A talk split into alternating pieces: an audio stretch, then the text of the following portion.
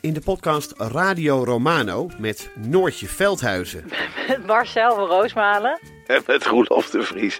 brengen we alle drie elke week een zogenaamde signalering mee. Wat heb jij nou weer bij je? En aan het eind bepalen we wie de winnaar van de week is. Echt een angstcultuur Lege huls die je er bent? Ja, dat gaat eigenlijk altijd onvriendelijk.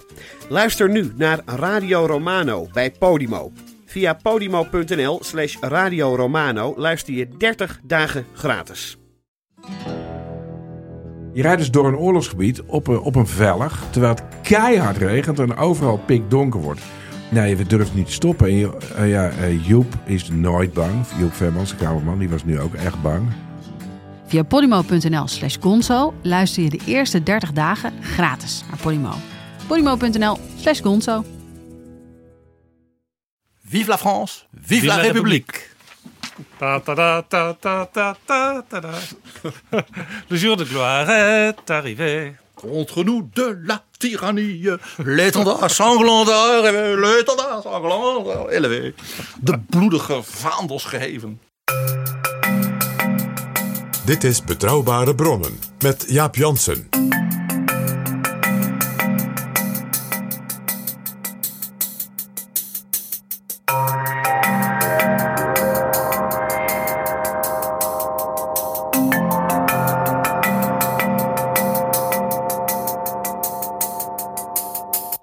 Welkom in Betrouwbare Bronnen, aflevering 35.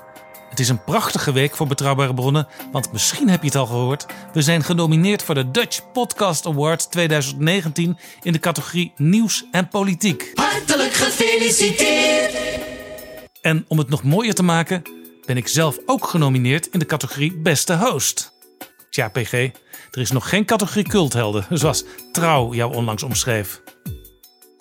Stemmen kan op www.podcastawards.nl en de uitreiking is op 6 juni in Dauphine in Amsterdam. Dus www.podcastawards.nl. Het gaat trouwens als een speer met betrouwbare bronnen. De afgelopen vier weken hebben we meer dan 20.000 luisteraars per week. Voor een groot deel jonge luisteraars tussen 18 en 35 jaar. Zeer interessant voor adverteerders, dus heb je belangstelling om in betrouwbare bronnen te adverteren of om betrouwbare bronnen te sponsoren? Neem dan contact met ons op. Dat kan via info apenstaartdagennacht.nl, het mailadres van Dag en Nacht Media. Dus info apenstaartdagennacht.nl. Op 23 mei mogen we naar de stembus voor de Europese parlementsverkiezingen. Daarom staat Betrouwbare Bronnen de komende drie weken in het teken van Europa. Straks praat ik met Chris Alberts, die onderzoek deed naar de Nederlandse Europarlementariërs in de afgelopen vijf jaar. Wat je niet moet denken is dat dit is een heel ingewikkeld politiek systeem.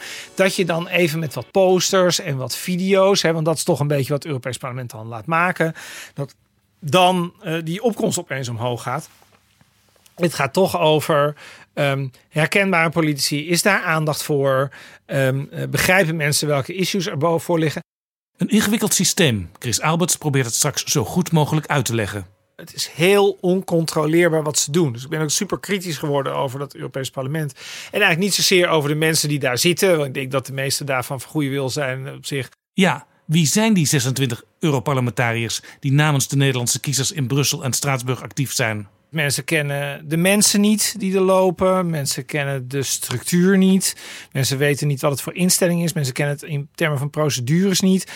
We bespreken de meeste van die Europese politici met wie Chris Alberts en Mendeltje van Keulen spraken voor hun boek Wat doen ze daar eigenlijk? Gesprekken met Nederlandse Europarlementariërs. Aan het einde van deze betrouwbare bronnen weet je veel meer over Europese volksvertegenwoordigers als Peter van Dalen, Judith Sargentini, Kati Piri, Jan Huytema, Anja Hazekamp en Hans van Balen. Annie Schreier is met, eh, met een straatlengte voorsprong de meest interessante Europarlementariër die we hebben. En wat deden eigenlijk de vier PVV'ers de afgelopen jaren in het Europees Parlement? Nou, niet veel. Waarom hebben we van de PVV niks gehoord? Dus je zou echte de- oppositie, echte oppositie is het natuurlijk niet. Je zou de PVV's in het Europees Parlement kunnen verwijten hoe je verder ook inhoudelijk over hun standpunten denkt. Mhm. Dat ze niet hebben geleverd voor hun vorstelijke salaris. Eh, dat, zou ik zo, dat zou ik zo zeker durven, durven zeggen. Ik zou zeggen, kijk, als je dan niks kunt bereiken, dan kun je in ieder geval een waai maken. En dan kun je in ieder geval ervoor zorgen dat mensen die euroceptisch zijn in Nederland, dat die eh, merken dat de PVV hun mening te, hè, verkondigt in Brussel en Straatsburg. Dat lijkt mij het minste. Straks een uur lang Chris Alberts over de Nederlandse Europarlementariërs.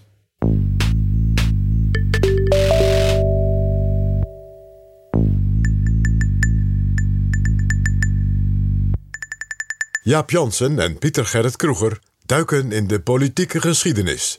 Ainsi, devant tous les peuples, le scrutin historique du 5 décembre 1965 marquera le succès ou le renoncement de la France vis-à-vis d'elle-même.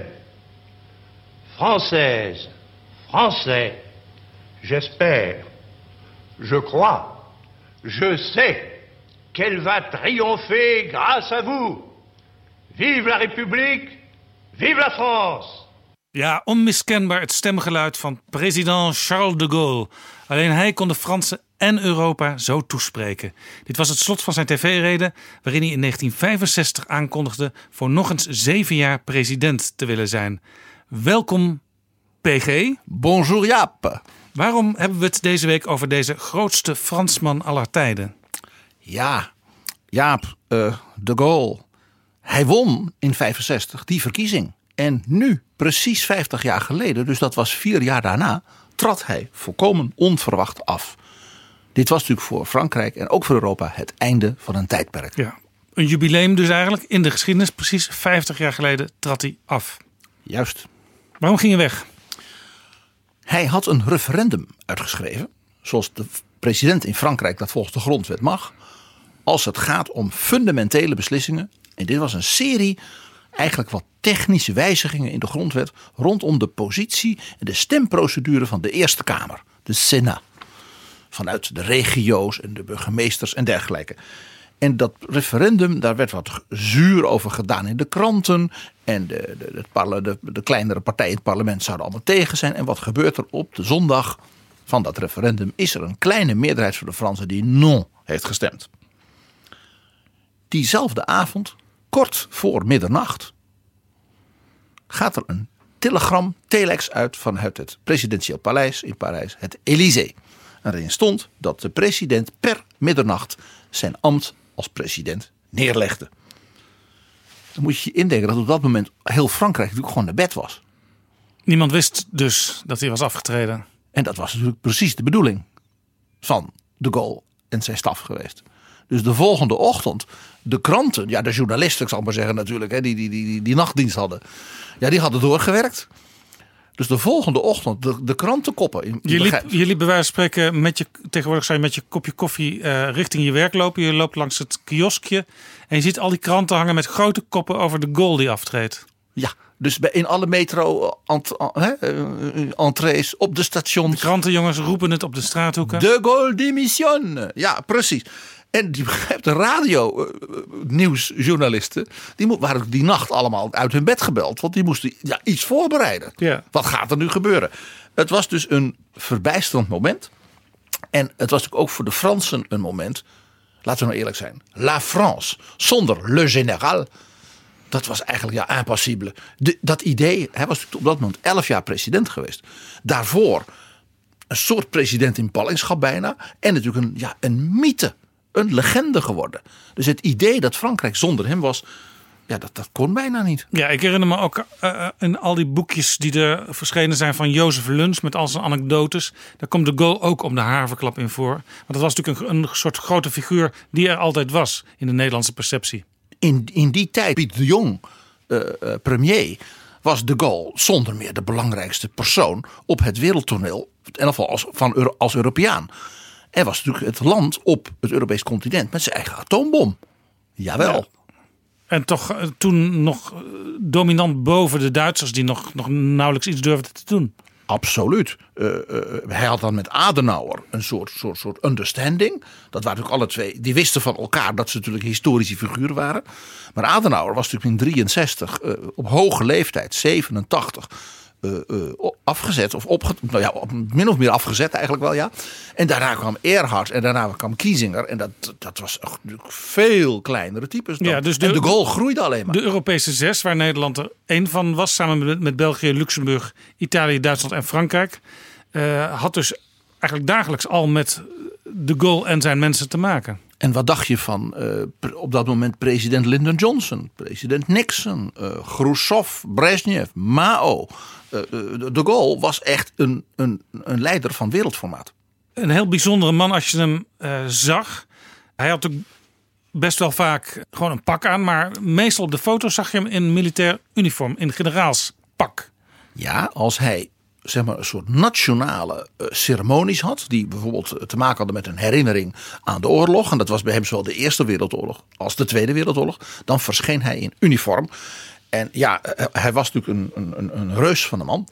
Dus hij had ook speciaal voor hem gemaakte uniformen met extra lange eh, broekspijpen. En wat dan niet. Dan had hij ook nog die kepi, zoals dat heette. Waardoor zijn hoofd nog langer werd dan het al was. En dan was hij natuurlijk een nog indrukwekkende verschijning dan hij als het ware bijna van zichzelf al was. Wie was de Gaulle? Ja, hij is geboren in 1890. Dus iemand echt van de tweede helft van de 19e eeuw. Dus ook een, nou ja, als kind iemand die dus nog in de sfeer van eh, eh, met name ook het Frankrijk na de grote nederlaag tegen Pruisen van 1870. Eh, dat, dat had een grote indruk, maakte dat op de Fransen. Hij is in 1970 gestorven, dus precies een jaar na zijn aftreden. Hij heeft dus ook zijn memoires, die hij toen aan het schrijven was, niet helemaal af kunnen maken. Hij kwam uit een typisch klassiek burgermilieu in Frankrijk, maar uit de zeer vrome katholieke kant van de Franse Maar burgerij. zeer vroom en katholiek is ook vaak reactionair. En dat wa- was hij dus niet. Heel interessant, zijn vader was onder andere ook leraar. En behoorde tot de mensen rond 1900, dat was natuurlijk het moment. die dus Émile Zola steunde in het verdedigen van Dreyfus. Dat was voor iemand met een zeg maar, vroom-katholieke achtergrond opmerkelijk. Ja, want dat was een enorme eh, scheur in, in de Franse samenleving. Je ziet er nog stapels boeken over liggen. Elke keer als ik in Parijs kom, kasten vol, Dreyfus. Ja, de, de Dreyfus-affaire was dus eigenlijk ook een soort toetssteen van eh, zeg maar het, eh, het antisemitisme in de Franse samenleving. En een van de interessante dingen is die natuurlijk later bij de Gaulle als volwassen man en later ook als, als, als, als leider van Frankrijk, was hij dus dat hij gespeend dus was, hoewel dus zeer vroom katholiek, van enige jodenhaat. En dat was dus heel bijzonder. Daar was papa de Gaulle dus, eh, zou je kunnen zeggen, progressief in. Ja, en het was een ruimdenkend, En het was dus een ruimdenkende familie binnen zeer vroom. En zijn zoon nam dat over. Ja, ja. Eh, hij is eh, beroepsmilitair geworden. Eh, dat patriotisme van eh, de familie, dat uitte zich daarin. Want er moest natuurlijk wraak worden genomen ooit op Duitsland. Les Boches, hè, de moffen. Dat was dus zeer, zeer heftig. Maar ja, hij was zo briljant al, ook op school. En daarna dus eh, in zijn opleiding, dat hij vrij snel nadat hij dus afgestudeerd was. Uiteraard natuurlijk aan de elite academie voor de militairen, Saint-Cyr. Eh, van die typische elite-academies eh, waar wij het onlangs over hadden in het verhaal over KLM Ja, en dat Air dus de hoogste militaire opleiding was Saint-Cyr. Ja, dat zeg maar de. de, de, eh, ja, ja gewoon, gewoon er was niet beter. De, daar wordt- de, de jongens die daar opgeleid werden, werden generaal of eh, dat soort dingen. Eh, en hij werd heel, heel snel na zijn afstuderen daar zelf al maar, zeg maar hoogleraar. Dus docent strategie en dergelijke. Daarmee gaf je, aan, gaf je dus aan dat Nog ergens in de twintig was hij toen. Eh, hij was dus zowel intellectueel als ook literair. Zijn, zijn, zijn, zijn schrijven ook toen al. De essays die hij maakte, de artikelen, de boeken. Hij heeft dus heel veel gepubliceerd. Eh, die zijn van een, van een, van een ja, benijdenswaardig knappe literaire stijl. Nou, als jong eh, militair kreeg hij natuurlijk een commando. toen de Eerste Wereldoorlog uitbrak. Hè? Ja, want hij was toen 24 jaar. Ja. En eh, eh, is toen een groot oorlogsheld in Frankrijk geworden. Hij was eh, een van de, zeg maar, de jonge officieren die bij de slag om Verdun, met al die, al die forten waar dus de Duitsers dreigden dat in te nemen, ja, dat, dat verdedigde. Is toen krijgsgevangen door de Duitsers. Ja, dan, dan lijkt het alsof je einde nabij is. Nou, dat was ook zo. Want hij had met de, de mannen die hij dus commandeerde, zo'n 200, 250 man, in de voorste linies gelegen. En van die eh, mannen heeft er bijna niet één het overleefd.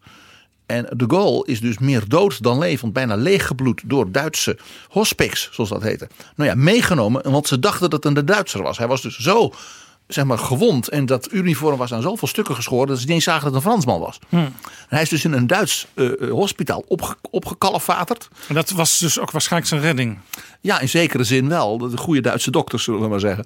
Nou, hij is dus toen, ja, als een officier, want hij was duidelijk dat hij een hoge officier was uh, ja, uh, van het Franse leger. Dat was dus niet helemaal de verwachting. Hebben ze hem opgesloten in Duitsland, in een, dan is een kasteel of in een krijgsgevangenkamp. Even de typische dingen van de Gaulle. Hij ontsnapte voortdurend. Uh, wat, wat ik zelf het meest hilarische vind. Uh, van die, ja, ze had een soort, soort, soort wild soort moed. In plaats van ik wacht af, ging hij gewoon ontsnappen. Terug naar Frankrijk. Wat me nogal lastig lijkt als je zo'n enorm lange grote fan bent. Nou ja, nog leuker was dat hij dan vermomd ging als Beierse boer. Nou, ik hou ook erg van Beieren. Maar de boertjes in Beieren zien er niet uit als Charles de Gaulle. Die zijn niet bijna twee meter lang.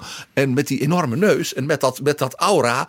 Uh, uh, maar dan liep hij waarschijnlijk enorm krom als een oud, oud mannetje. Zo, zoiets moet het geweest nou zijn. Ja, op een of andere manier lukt het hem dus, dus aldoor weer heel ver te komen. Maar daarna werd hij opgepakt. Uh, toch. En dan, ja. Nou, het maakte hem natuurlijk ook wel een beetje een legende onder zijn nou ja, mede-krijgsgevangenen. En dat hielp natuurlijk ook weer later. Nou, na de Eerste Wereldoorlog heeft hij een aantal buitengewoon opmerkelijke dingen gedaan. Uh, hij werd bijvoorbeeld de strateeg uitgeleend door Saint-Cyr, de Franse regering, aan het leger van Polen. Om dat te helpen opbouwen, vooral natuurlijk tegen uh, de Sovjet-Unie, maar ook, ook wel een beetje tegen Duitsland. En ook interessant, de Fransen leenden hem dus uit. Ik neem aan ook vanuit het idee, dan hebben wij als Frankrijk een vinger in de pap in wat er allemaal gaat gebeuren in Polen. Zeker. Uh, wat hij ook gedaan heeft, dat weet ook niet iedereen. Hij heeft een aantal jaren in Beirut gewoond met zijn gezin. Omdat hij dus een van de belangrijke commandanten was van zeg maar, de Franse troepen in Libanon en Syrië. Dat toen Franse koloniën waren. En natuurlijk uitermate strategisch gelegen uh, in het Midden-Oosten. Le Liban. Ja, dus het is ook heel opvallend. Dat weet bijna niemand. Dat hij, dus, hij wist dus ook heel veel van het Midden-Oosten daardoor. Nou, uh, het meest belangrijke eigenlijk is dat hij als hoogleraar nog steeds, hè, als het militaire strategie, uh, de grote theoreticus werd uh, in Frankrijk van zeg maar, de mobiele oorlog. Hij zei: We hebben nu auto's, we hebben vliegtuigen, alles kan bewegen. Dat betekent dus ook artillerie kan, kan bewegen. Je kunt dus troepen laten bewegen, niet alleen met treinen, maar ook met, met vrachtwagens. En je moet dat dus helemaal integreren. Ja, want dat was dus dat was een, een enorm snelle en nieuwe ontwikkeling zoals je bij wijze van spreken nu in 2019 ook allerlei militaire ontwikkelingen hebt die heel snel gaan. En waar de vraag is wie gaat wie overheersen uiteindelijk. Hij was een soort Jamie Shea van 1925. Ja, ja. Jamie Shea die in Betrouwbare Bronnen te gast was. De oud-NAVO-man die alles uh, weet over cyber uh, warfare. De Gaulle schreef daar dus ook boeken over. En, en, en bijvoorbeeld serie uh, zeg maar essays die hij dan bundelde. Uh, die waren zeer omstreden, omdat de, maar, de klassieke verdedigingsoorlog, mensen die, die de Eerste Wereldoorlog waren aan het overdoen waren. Hè? Dat is vaak, men vecht vaak de vorige oorlog, hè, de generaals. Nou, hij dus niet. Uh, dus hij was omstreden. We weten dat de Duitse generaals, maar ook de generaals van het Rode Leger, van Stalin, de boeken van de Gaulle spelden. Dus de beroemde Duitse panzergeneraal Guderian, maar ook generaal von Manstein, waren zeer bekend met het werk van Charles de Gaulle. En zij, anders dan het Franse leger, pasten dat dus toe in wat we de Blitzkrieg gingen noemen. Ja. Rommel voerde dus uit voor Hitler wat de Gaulle had opgeschreven. Ja, heel interessant, want uh, de Duitsers zijn dus in eerste instantie heel ver gekomen. Misschien mede door dit soort literatuur. En Stalin, daar geldt eigenlijk hetzelfde voor. Dus hoogst opmerkelijk. Uh, nou, je begrijpt, toen uh, uh, de spanningen in Europa toenamen, hebben ze hem dus ook commandant gemaakt van zeg maar, een aantal grote tankbrigades. Die hij zelf ook theoretisch had ontwikkeld. Hoe zou je dat moeten doen? Hij kreeg natuurlijk niet wat hij wilde. Hè, dus hij was voortdurend had hij dus ruzie met de andere generaals en, en dergelijke. Niet te meer. Hij wilde maar, natuurlijk meer nadruk op dat moderne. Dat is een heel belangrijk punt, Jaap. Goed dat je dat zegt. Heel belangrijk punt ook straks in het verhaal. De Gaulle was buitengewoon modern in een heleboel dingen. Er komen straks zelfs ook nog wat leuke voorbeelden van zijn moderniteit. Ja, we moeten ons dus niet vergissen in dat beeld van de Gaulle in dat generaalsuniform. Dat, dat doet een beetje ouderwets aan. En ook zijn ouderwetse retoriek en dat, ook dat, ze hebben die, dat vroom-katholieke Ja, van uit een andere tijd, denk je in eerste instantie, maar hij was niettemin zeer modern. Absoluut. Het leidde ertoe overigens dat, eh, doordat hij zo kritisch was, dat de premier van Frankrijk, Paul Reynaud, hem dus aan zich bond, ook als topadviseur, met oog op eh, zeg maar, ja, de dreiging van eh, de legers van de naties. Want die dacht, ik heb een aantal briljante mensen, waaronder die zeer eigenwijze de Gaulle, die heb ik nodig. Door zijn rol als adviseur en topstrateeg van de premier. En daarmee dus ook als criticus ja, van zeg maar, de, mag zeggen, de ouderwetse generaals zoals Pétain. eh, ontmoette hij Winston Churchill. Want Renault nam hem dus mee in de overleggen met de Engelsen. Zeker toen na 10 mei. hè, Dus de Duitse troepen, niet alleen in Nederland en in België, maar ook in Frankrijk waren binnengevallen. En Churchill ongeveer om de dag, dus als de next benoemde premier van Engeland, op en neer vloog. Levensgevaarlijk, ja, Ja. naar Frankrijk. En eh Renault, de premier, dacht waarschijnlijk ook... Churchill is een militair deskundige. Ik neem ook een militair deskundige mee. Zeker, want Renault was dat helemaal niet. Eh, eh, nou, Renault werd uit elkaar gescheurd politiek door mensen die dus eigenlijk wilden capituleren. En de Gaulle was natuurlijk iemand die zei: wij vechten door. En je begrijpt, Churchill, eh, die, die, die, die, die zag dus in deze wel merkwaardige man. Tegelijkertijd wel dus een grande personaliteit. Ja, en bovendien een, een merkwaardige man, dat was Churchill zelf ook. Dus de, ook in die zin herkende hij misschien wel iets in de goal. Ja, en de Gaulle sprak behoorlijk Engels, toen al. Onlangs hadden we Andrew Roberts te gast in Betrouwbare Bronnen. Geweldig was dat. En die vertelde ook dat Churchill de Gaulle heel erg bewonderde. Precies. Laten we even luisteren naar een stukje van Andrew Roberts. Yes, Churchill admired de Gaulle uh, very much. Of course, he had in, uh, endless clashes with him. Of course, he did because it's impossible to uh, to interact with that extraordinary um, six foot five without the kepi, um, aloof figure of uh, of Charles de Gaulle. Without That uh, wonderful nose. uh, uh, but um, but nonetheless, underlying it all was a tremendous admiration for what he did in June 1940 in leaving France and in setting up the Free French and in uh, uh, in absentia and uh, condemned to death, indeed, by the Vichy authorities. Uh, that was the kind of act of courage that Winston Churchill always uh, always admired. Ja, eh, Churchill en de Gaulle is een hele bijzondere verstandhouding. Eh, de romanticus bijna. En ook wel de militante, eh, eigenlijk wel van, van, van, van knokken houden figuur Churchill.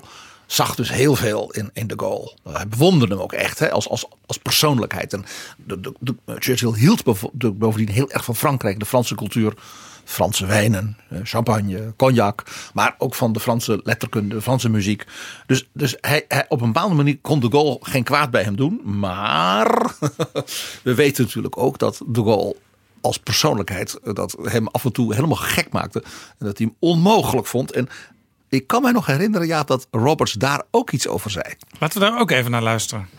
He attacked um, de Gaulle uh, whenever he could, especially when they saw one another. He also made one of the funniest remarks, I think, about uh, de Gaulle, which was that uh, de Gaulle reminded him of a female llama surprised in her bath.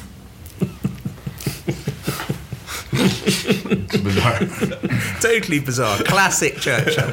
Yeah, the, the- the wonderful thing is you can immediately imagine as an image Yeah. that it is true. And also to make de Gaulle female as well is, uh, is an added Of course, uh, but that, twist. that was uh, uh, very well sensed that the Gaulle had this very feminine sort of artistic quality. It was a great diva. Dat was Andrew Roberts in een, een van de vorige afleveringen van Betrouwbare Bronnen. Over Winston Churchill ging het toen. Ja, en dit gaat dus eigenlijk over de periode dat eh, de Gaulle in Londen terechtkomt. Hè, het Franse leger stort in. Hij wordt dus naar Londen gestuurd om ja, nog te, te, te overleggen voor, voor de gezamenlijke strategie. Merkt dan dat bij zijn vertrek de generaals, eh, zodra hij weg was, dachten van: oh, mooi zo, die de Gaulle is weg.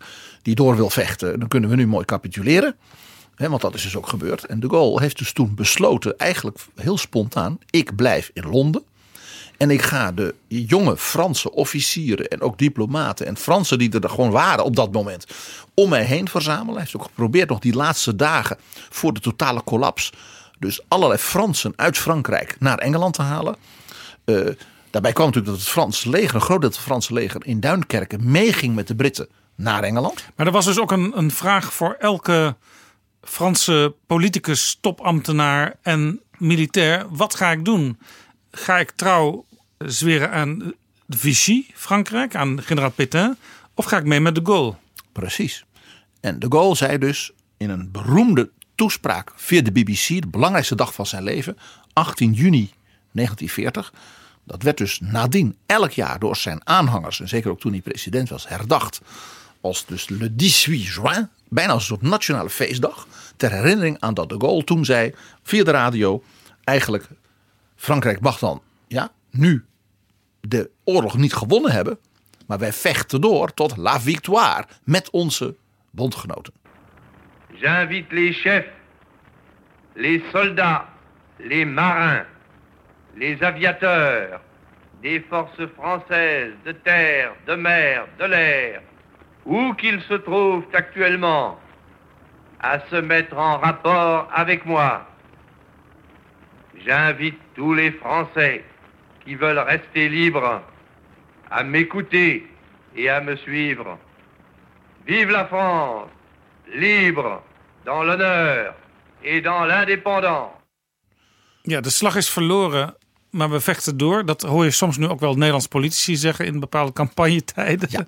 Nou ja, uh, uh, wat hij dus deed was uh, weigeren te capituleren. Dat betekent dus dat hij dus het regime van Vichy, dat dus wel capituleerde, gewoon zei dat is dus illegaal. Want ja. dat doet Frankrijk niet. Dus hij zei: Ik ben Frankrijk. De Gaulle, zijn houding, die hij dus in die hele oorlogstijd heeft gehouden, dat hij zei: Er is één Frankrijk, dat is vrij, dat is niet verslagen. Uh, dat is een grote mogendheid in de wereld. Zodra dus de nazi's zijn verslagen met de steun van Frankrijk, ook de Franse koloniën en de, gevluchte Franse jongeren die dus vanuit Engeland heel dapper natuurlijk gewoon doorgingen met vechten, die zijn Frankrijk. En als dus dan de nazi's zijn verslagen, daar was hij volstrekt van overtuigd, hè, dus net als Churchill, dan is Frankrijk ook weer een grote mogendheid. En ik ben alvast zeg maar, de leider daarvan. Maar dat is dus een enorm risico wat hij nam, want het, het was me de vraag of dat uiteindelijk zou gebeuren. En bovendien, had hij eigenlijk wel steun in, in, in de wereld? Nou ja, niemand geloofde hem natuurlijk eigenlijk. Als je zeg maar realistisch keek, dan dacht je die vent is gek. Uh, de enige die hem dus bleef geloven was de romanticus Churchill. En die heeft hem dus ook verdedigd tegen bijvoorbeeld president Franklin Delano Roosevelt van Amerika. Die vond namelijk de Gaulle ridiculous. Die, heeft de meest verschrikkelijke dingen over de Gaulle gezet. Hij vond het een, ja, een soort rechtskatholieke uh, militair. Een, eigenlijk een soort, nou, protofascist. Hij zei, als die vent straks, nou dat wij Amerikanen eh, Frankrijk hebben bevrijd. Hebben wij ons bloed voor gegeven. En dan komt er een soort generaal Franco die daar in Parijs een beetje een soort fascistisch regime gaat voeren. Ja, ja, ja, als je Franco kent, dan zit er ook wel iets in die kop van de Gaulle wat je aan Franco doet denken. Nou, uh, er zat geloof ik wel 50 centimeter verschil in. Ja, hoor. natuurlijk, natuurlijk. Maar goed, nee, ik vind het een schandelijke Frank, vergelijking. Franco natuurlijk ook iemand die, die heel eigenzinnig gewoon zijn gang ging daar in Spanje. Ja, maar uh, alles behalve een democraat. Ik vind een schandelijke vergelijking, Jaap. Nou, in Frankrijk ik zelf... terug. Ja, heel goed. Je, je le retire. Hè? Ja. Uh, Voordat de Franse ambassade ja, ons gaat bellen. Ja, precies. Of dat Macron niet met ons wil praten. Dan binnenkort in de betrouwbare ja. Nou, niemand in Frankrijk kende natuurlijk deze generaal. Ja, een paar mensen uh, rondom de staf van, van premier Renault. En wat politici ja, en, en, andere generaals. Alleen maar jonge militairen, maar die waren meestal nog niet hoog genoeg natuurlijk. Nee, dus de Gaulle was een stem op de radio. En vluchtschriften die dus werden uitgestort door de Britse vliegtuigen in het Frans, die ze dus maakten. De stem van het vrije Frankrijk. Exact. La France libre. En hij riep dus de Fransen op, ook in het verzet. Hij coördineerde dus ook met verzetsleiders die werden door Frankrijk uitgevlogen. Ja, die via geheime missies die met hem samen coördineerden. Wat was eigenlijk zijn, zijn officiële functie in de oorlog? Hoe, hoe was zijn omschrijving? Uh, commandant van de Vrije Fransen. Hij was niet president. Nee, want het, hij zei: als Frankrijk bevrijd is, dan dat illegale regime van Vichy, dat verdwijnt dan gewoon in het niets. En dan komt er een nieuw Frankrijk. En hij wou dus ook dan, uh, ja, zeg maar, weer verkiezingen. Want hij was, uh, hè, zoals ik al zei, een, een, een zeer vrome, uh, ja, allesbehalve linkse katholiek. Maar een zeer waarachtige democraat op ja. zijn manier. En hoe ging dat dan? de oorlog was op een bepaald moment voorbij, hè? 44. de invasie, ja. Frankrijk en, en, zelfs het zuiden van Nederland werd op een gegeven moment ook bevrijd. Hij, was hij toen meteen de leider in Parijs? Ja, hij, is hij heeft ervoor uh, gezorgd dat de, met de, de, Amerikanen en de Britten... dat er een soort brigade van zijn vrije Fransen... als ongeveer de eerste waren die Parijs konden binnentrekken... terwijl de Duitsers zeg maar, op de vlucht sloegen. Dat was mooi, want de mythe dat de Fransen dus zelf Parijs hadden bevrijd, was voor psychologisch had hij dat natuurlijk heel goed aangevoeld. Ja, en ondertussen de, de, de Vichy-Fransen die hadden gecollaboreerd. Allemaal op de vlucht. Die, die gingen met de staart tussen de benen en vandoor. Die gingen voor een belangrijk deel mee met de nazi's naar Zuid-Duitsland. Nou, de Gaulle verschijnt dus dan in Parijs. Daar houdt hij een van zijn allerberoemdste toespraken. Ik zei het al, hij was een literair briljante man. Ja, daar zouden we een hele aparte serie van betrouwbare bronnen aan kunnen wijden. Aan Absoluut. alle toespraken van de Gaulle. Absoluut. Deze, dit is een van zijn allerberoemdste. Uh, waarin hij zijn hulde brengt aan Parijs als het hart van het verzet. Wat natuurlijk helemaal niet waar was. Maar dat deed het geweldig. En voor de mensen die wel in het verzet waren geweest in Parijs was het natuurlijk prachtig. Paris. Paris outragé. Paris brisé.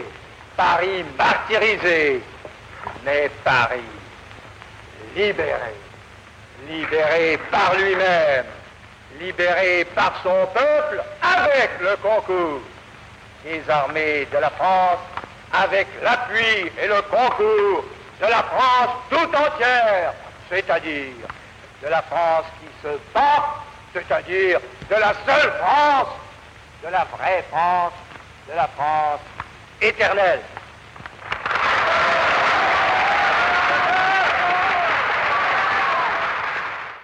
En toen heeft hij dus zich aan het Franse volk getoond. Door, in een, door wandelend over de Champs-Élysées. Met dus de leiders van het verzet en dergelijke samen. zodat de mensen met vlaggen konden. 2 miljoen Parijzenaars stonden juichend, wenend, de Marseillaise zingend langs de weg. En die zagen dus voor het eerst Le Général de Gaulle. Die ze nog nooit echt hadden zien. En daar liep dus die enorm lange man. Zo, zwaaiend zo met, zijn, zo met zijn handen. Ja, zo zwaaiend naar de Fransen. Hè, met die kepi en die geweldige neus. Het was bijna alsof hij ervoor gemaakt was. Qua vorm. Om daar te lopen bij die terugkeer van het, van het vrije Frankrijk. Maar dan ook echt op Parijse bodem. Het was of Hollywood hem gekast had. Toen dus een week later Churchill naar Parijs kwam. Toen heeft heeft hij dus met Churchill samen opnieuw uh, uh, zeg maar zo'n wandeling over de uh, Champs-Élysées gemaakt. En in het boek van Andrew Roberts beschrijft hij prachtig dat Churchill eigenlijk twee uur lang alleen maar heeft gehuild. Ja, Omdat hij dus door de, door de Parijzenaars, als het ware samen met de Gaulle, nou ja, werd bejubeld als no liberateur. Ja, Churchill kreeg daar eigenlijk het bewijs en het eerbetoon van ik heb het goed gedaan tijdens die bezettingsjaren heb ik goed gehandeld vanuit Londen. En we hebben gewonnen. En ik heb ook goed aan gedaan om mijn kaarten op de goal te zetten. Ja, en het was natuurlijk omdat hij zo van Frankrijk hield en van Parijs hield. Uh, dat, was, ja, dat, dat, dat deed hem ongelooflijk veel. Ja. Nou, uh, er komt dus een, natuurlijk een soort noodregering hè, in, in Parijs. Ja, net als in Nederland waren er niet meteen verkiezingen, maar er moest wel geregeerd worden. Daarvan werd de Gaulle dan premier. En heeft dus ja, mensen uit het verzet en vrienden van hemzelf. En mensen die, zeg maar, wij zouden zeggen, goed waren geweest in de oorlog. Die vormden dus dat, die regering. Maar ja, eh, de partijen werden natuurlijk onmiddellijk eh, opgericht. De communistische partij, de socialistische partij, de liberalen. Ja. Er kwam een soort katholieke partij. Eigenlijk de meeste partijen die kwamen gewoon weer terug. Hè? Een beetje à la Jan Schouten, wij zijn niet veranderd. Zo is het. En ja, wie wel veranderd was, was natuurlijk de Gaulle. Dus die had wel zijn eigen partij. De Rassemblement pour la République. En die partij die, uh, uh, ja, die bestond natuurlijk uit mensen die zich om hem schaarden. Maar die had natuurlijk niet echt een programma. En ja, hij was ook natuurlijk niet qua achtergrond de man voor, ik zal maar zeggen, uh, ja, een fractievoorzitter in maar het parlement. Maar daar ontstond dus wel zoiets als de Gaullisten. Ja. Ja, er zijn mensen toen, die vaak ook uit het verzet, mensen die dus zeg maar, hun lot voor eeuwig aan Le Général hebben verbonden. En dat ook letterlijk hebben gedaan, dus tot zijn dood. Ja, Maar het was eigenlijk niet helemaal iets voor de goal. Nee. Zo'n parlementair systeem. En daar had misschien Franklin Delano Roosevelt wel een beetje gelijk in. Ja, ja, ja, ja, zeker. De goal was natuurlijk gewoon te groot daarvoor. En uh, heeft zich dus op een bepaald moment teruggetrokken uit de politiek. Tot grote vreugde van zijn vrouw, Yvonne. Want die dacht, mooi zo, uh, hebben we dat gehad. Die wilde eigenlijk, uh, nou ja, hij moest zijn memoires gaan schrijven. En dan uh, zou hij mooie dingen voor Frankrijk doen. Maar die politiek, dat vond zij helemaal niks.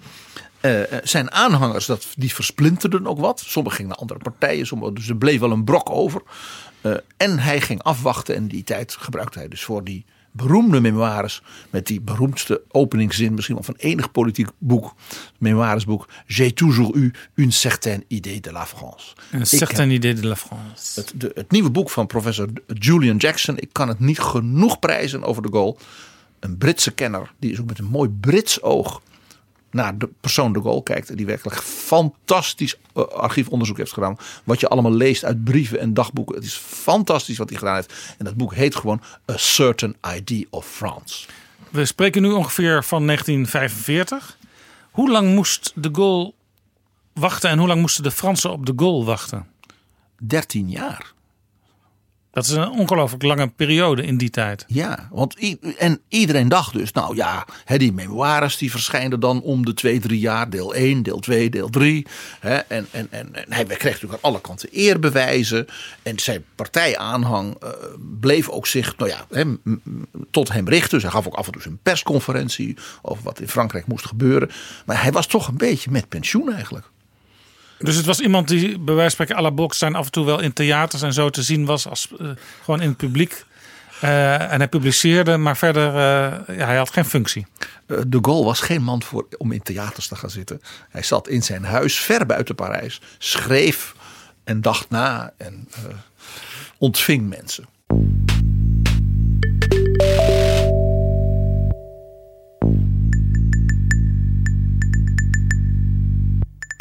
Dit is Betrouwbare Bronnen, een wekelijkse podcast met betrouwbare bronnen. Wat gebeurt er in die zeg maar, jaren 50, tweede helft van de jaren 50? Het gaat met Frankrijk helemaal fout. Frankrijk verliest een zeer bloedige koloniale oorlog in Indochina, in Vietnam. De beroemde verschrikkelijke veldslag bij Dien Bien Phu. Ja. Bij het Franse leger in feite in de pan gehakt werd door het, het Vietnamese leger. Op datzelfde moment barst een, een, een koloniale oorlog in Noord-Afrika uit, in de Sahara, in, uh, met name in Algerije. Maar denk ook aan Tunesië, denk aan Marokko, dat was allemaal Frans. Uh, ook daar dus uh, tienduizenden doden. Bovendien hele ernstige mensenrechten schendingen, waar dus in de hele wereld schande van gesproken werd. Dus martelingen en dergelijke. Van, dus door de Franse troepen ten opzichte van de Algerijnen en de Arabieren. Ja. Ook daar kun je kasten vol van vinden in de, de Franse boekwinkels over die Algerijnse tijd. Ja, die, die, de, de gruwelen die men daar heeft gedaan, hebben de carrière gemaakt van onder andere een parachute-officier. die dus een soort held was voor de neocolonialen in een Jean-Marie Le Pen. Ja, die daar ook, denk ik, zijn oog heeft verloren, als ik Zeker. me goed herinner. Zeker. Uh, maar goed, uh, de Gaulle was dus aan het wachten. Hij dacht na. Er komt een groot probleem in Noord-Afrika, Algerije en die andere landen. Dus er dreigt een staatsgreep van generaals in Algerije. Er dreigt een contra-staatsgreep. Uh, de Franse economie gaat natuurlijk, staat onder druk van zo'n oorlog. Want ja, dat kost walgelijk veel geld. Dus met andere woorden, ze hadden een generaal nodig. Nou ja, ze hadden iemand ook nodig die als het ware orde op zaken ging stellen. Daarbij kwam dat bij dus die staatsgrepen ook alle mogelijke bomaanslagen, terreur ook bijvoorbeeld vanuit Algerije. Dus jonge Arabieren die dan ja, een soort jihadistische en ook nationalistische terreur, terreuraanslagen deden. Uh, in Parijs, maar ook elders in Frankrijk. Dus het was gewoon een, een puinzooi. En ja, de Franse franc begon dus financieel onder druk te staan, de Franse economie. En de president en de regering konden het gewoon niet meer aan. Uh, toen heeft dus de, de Franse regering, van de premier en de president, hebben dus de Gaulle gevraagd. Zou u ja, uh, zeg maar een soort regering van nationale eenheid willen leiden. En ja, hopen dat we er dan uit kunnen komen. En ja, toen heeft de Gaulle uh, gezegd uh, dat hij voor Frankrijk natuurlijk altijd beschikbaar was. en heeft dus met de president ge gepraat. En toen heeft hij gezegd, nou, ik ben bereid dat te doen. maar dan moet ik ja, zeg maar de, de handen vrij krijgen. En zou dus een, zelf een grondwet maken. En een regering. En zou dan uh, ja, eigenlijk zichzelf laten kiezen tot president van Frankrijk op basis van de nieuwe grondwet. En toen heeft hij, toen dat dus duidelijk werd dat hij eigenlijk in zijn eentje, hè, min of meer de hele leiding van het land uh, en ook de hele grondwet en alles zou overnemen, een, een van zijn fameuze persconferenties gegeven. Uh, daar gaan we nu denk ik, denk ik een klein fragment van laten horen. Waarin de Gaulle dan de vraag krijgt. Ja, daar hebben we een fragment van. Hij krijgt dan de vraag, let op. Of het toch niet ja, merkwaardig is dat hij dan in zijn eentje als het ware het overneemt. Want ja, dat, toch eigenlijk, dat was toch heel antidemocratisch. En ja, nou ja, hè, dus die journalist vraagt eigenlijk niet van... ja, wordt u niet gewoon een soort alleenheerser? En dan reageert de Gaulle als volgt. Dictateur. Ga luisteren.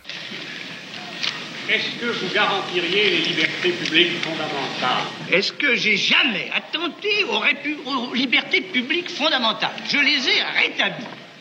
Et ai-je une seconde à tenter Jamais. Pourquoi voulez-vous qu'à 67 ans, je commence une carrière de dictateur De Gaulle, die dus eigenlijk met een grapje zich ervan afmaakt. Hij wordt geen dictateur. Ik ben een man van 67. Wat denkt u nou wel dat ik aan een nieuwe loopbaan beginnen wil? En dat ook nog als alleenheerser. Overigens, die nieuwe loopbaan die ging vervolgens wel een jaar of twaalf duren toen. Het was wat je noemt een nieuwe loopbaan. Uh, want uh, wat deed hij? Hij maakte een nieuwe grondwet. Dat was een maatkostuum voor een man die al die jaren had gewacht en als generaal gewend was te commanderen. Uh, dat is een grondwet zoals die in Europa niet heel veel voorkomt, ook buiten Europa niet. En ik denk stiekem, elke regeringsleider in de wereld is stiekem nou niet eens zo heel stiekem, stinkend jaloers op de president van Frankrijk. Want de president van Frankrijk, dat is een soort gekozen monarch. De ministers, dat zijn zijn krullenjongens. Het parlement moet de wetgeving doen en de begroting natuurlijk, maar mag niet de regering naar huis sturen. En als de president iets wil doen en het parlement zou het als het ware tegen willen houden, dan schrijft hij een referendum uit. En zegt dan tegen de Fransen: wil mij steunen. Uh, en daar komt ook nog bij dat alles wat op het gebied van buitenlandse politiek defensie en zeg maar, de wereldrol van Frankrijk. Dat is een soort privaat gedeelte waar de president min of meer in zijn eentje over mag beslissen. Ja, dus eigenlijk had die journalist die vroeg, wordt u dan geen dictator? Die had eigenlijk wel gelijk. Nee, nee, nee, nee dat had hij zeker niet. Uh, hij, hij, werd de Gaulle. Wat hij wel ja, had. Want hij was dus wel zo'n enorme democraat in zijn mindset. Dat, dat dat hem behoedde voor rare sprongen. Precies. Hij was dus geen Franco. Het was natuurlijk wel een man van grandeur.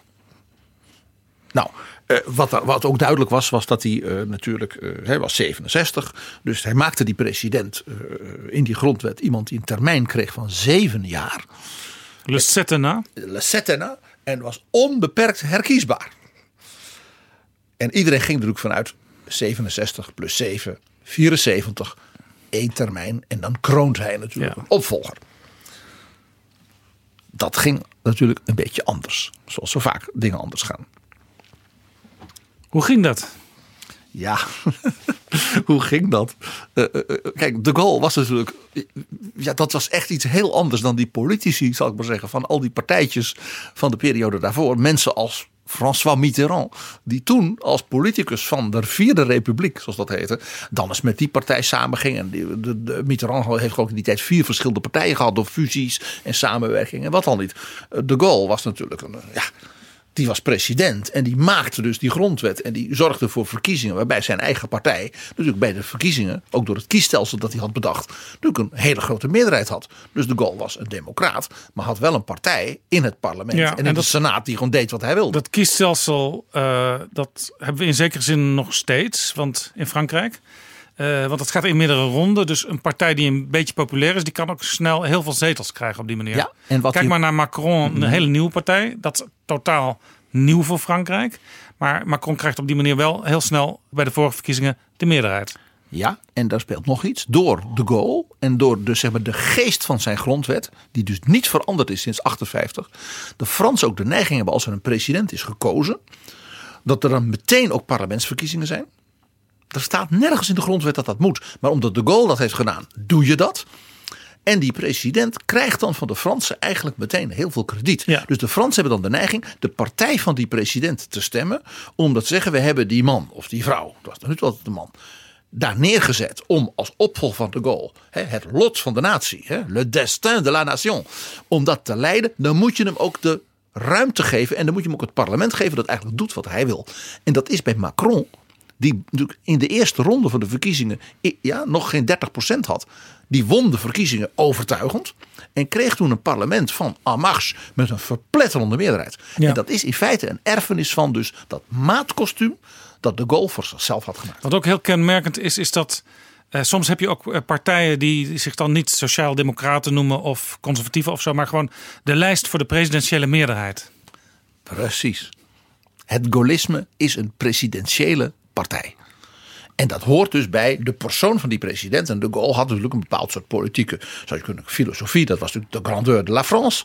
Frankrijk een belangrijke rol in de wereld. Hij was dus een conservatief katholiek bouwde dus voort op de typisch katholiek-sociale leer. Dus de arbeiders en de, de, werknemers, werkgevers moesten samenwerken, maar wel aangestuurd van boven door de staat. Uh, ook daarin heel Frans etatistisch natuurlijk. Dus hij was wat dat ook wel een hele klassieke Franse politicus. Maar ja, hij was natuurlijk uh, ja, vanaf het moment dus dat hij met die persconferentie die we net hoorden, ja, daar hoor je dus een, een, een leidersfiguur van, van allure. En de Fransen vinden dat prachtig. En hij was natuurlijk iemand die ja, 1890 geboren.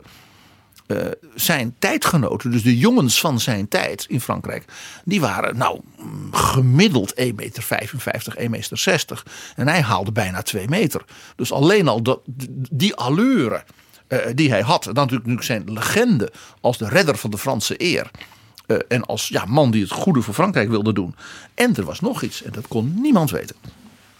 Toen hij in 58 president werd, je zag het al even in die persconferentie, hoorde je het. Hij was de eerste politieke tv-ster. Dus eerder dan JFK. Ja, want ik kwam een aantal jaren later. 1960, bij, die, bij, die, bij die, dat debat met Nixon. Dat iedereen zag, hé, hey, die man kan dat. De Gaulle was toen al een wereldster. Ja, en wij zaten nog in de tijd van uh, de oude Drees. Ja, uh, dat, uh, Jan de Kwaai. Hè? Lijmen Jan van, van Wim Kan. Ja, dat geeft dus ook aan wat, hoe, hoe dorps Nederland in die tijd ook nog was. De, de, de, de toespraken die de Gaulle hield vanuit het Elysée zijn met name ook, die waren zeker fameus, maar zijn persconferenties, we hoorden het net al zo een, dat deed hij dus met enige regelmaat. En ja, dan kwam dus de hele wereldpers, dan had, zat er dus gewoon 400, 500 journalisten in een zaal van het Elysée. En de, zeg maar, de hoofdvoorlichting van het Elysée die zei dan: er zijn een aantal vragen, meneer de president. En dan mocht dus iemand van Le Monde gaan staan en iemand van ik zeg maar, de New York Times. En dan bundelden die vragen, zo drie, vier, vijf van die vragen. En dan zei de Gaulle: ja, ik wil daar wel op ingaan. Maar dan werd het een toespraak. En dan ging dat antwoord, dat ging helemaal niet over die vragen natuurlijk. Dat was een enorm betoog. Daarin kwamen die vragen, zoals echt na twee derde, in een soort bijzin aan de orde. Eh, een vervolgvraag stellen deed je natuurlijk niet. Dan was er nog zo'n rondje.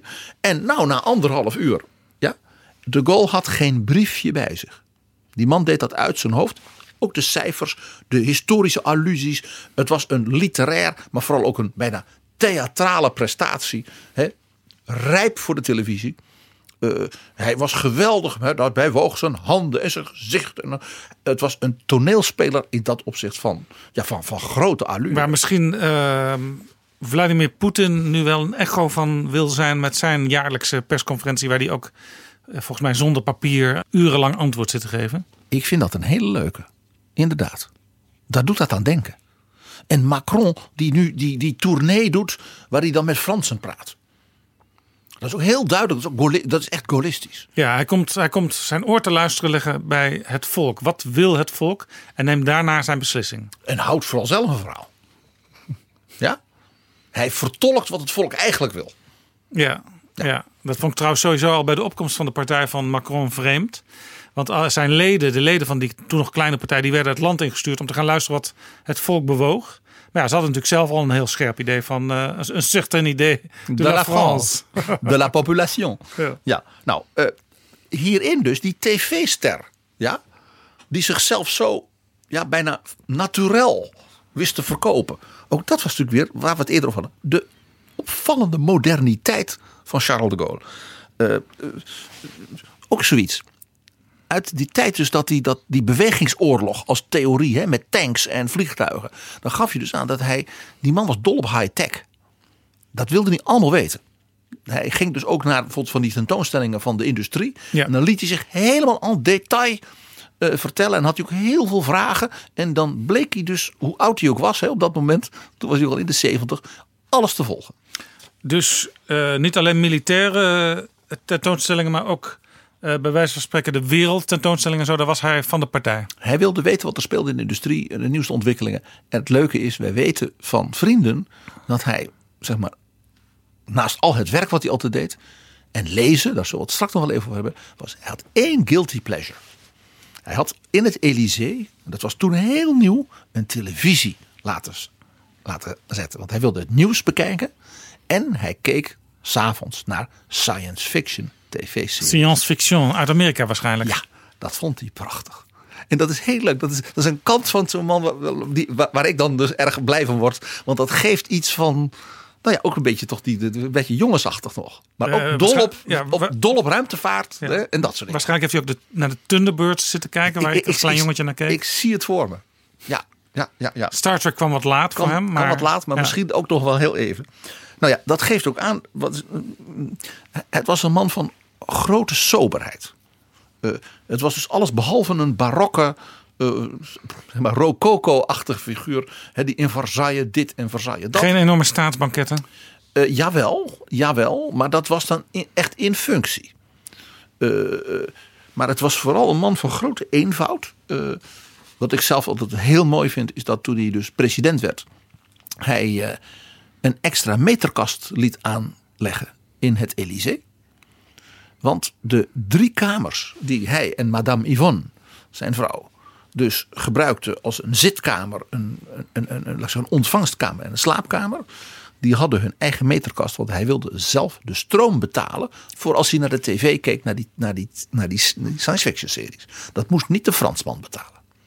Dit, dit zegt iets, iets over de Gaulle. Dus de- die soberheid, dat was een soort ook iets heel natuurlijks bij hem. Een bonnetjesaffaire zou hem nooit gebeurd zijn. Nee, de gedachte alleen al. De gedachte alleen al. En eh, hij was dus aan de ene kant dus een, een, een militair, een generaal. Dus ja, gewend te commanderen. Maar hij was ook een heel zachtmoedig mens. Hij, hij kon dus ook eh, eh, eh, met heel veel begrip dus naar mensen luisteren. Hij liet zich dus ook door alle mogelijke lieden van heel verschillende aard, ook intellectueel en politiek en cultureel adviseren. Ook mensen die bij wijze van spreken heel links waren, die, daar sprak hij ook mee. Ja. Want het was natuurlijk wel, in die tijd kwam ook het revolutionaire denken een beetje op. Ja. Maar eh, zeker als het mensen waren die in het verzet zeg maar, heel dapper waren geweest. Dan kon hij van die mensen bijna alles hebben. Maar hij kon dus ook hele intense gesprekken voeren met mensen zeg maar, uit de religieuze wereld en de culturele wereld. Zo hebben dus, heeft de minister van Binnenlandse Zaken in het kader van nou ja, allerlei rebelse toestanden met eh, studenten en wat dan niet gezegd. Ja, een van de allerergste eh, mensen op dat terrein die die studenten dus ophitst tegen de staat is, Jean-Paul Sartre. En ja, dit- wat hij publiceert ook over u. En eh, moest die Sartre niet gewoon eens aangeklaagd worden? Ja, want Sartre die schreef natuurlijk ook in eh, bladen als Le Temps Moderne. eh, van die schotschriften. Ja, en hij was natuurlijk toen echt een communist geworden. En, eh, Ja, had ook contacten met, met Moskou natuurlijk. Nou, kortom, kortom. Dus moest die Sartre niet gewoon eens aangepakt worden? En toen heeft de Gaulle de onsterfelijke woorden gesproken. Men stopt Voltaire niet in het cachot. Ja, dat is dus echt een, een, ja, pracht, een prachtuitspraak als je vrijheid van meningsuiting bela- belangrijk vindt. Maar waarbij hij zich dus wel dus identificeerde met zeg maar, de Franse koningen van de 18e eeuw. Ja. Dat dan weer wel. Ja, ja, ja.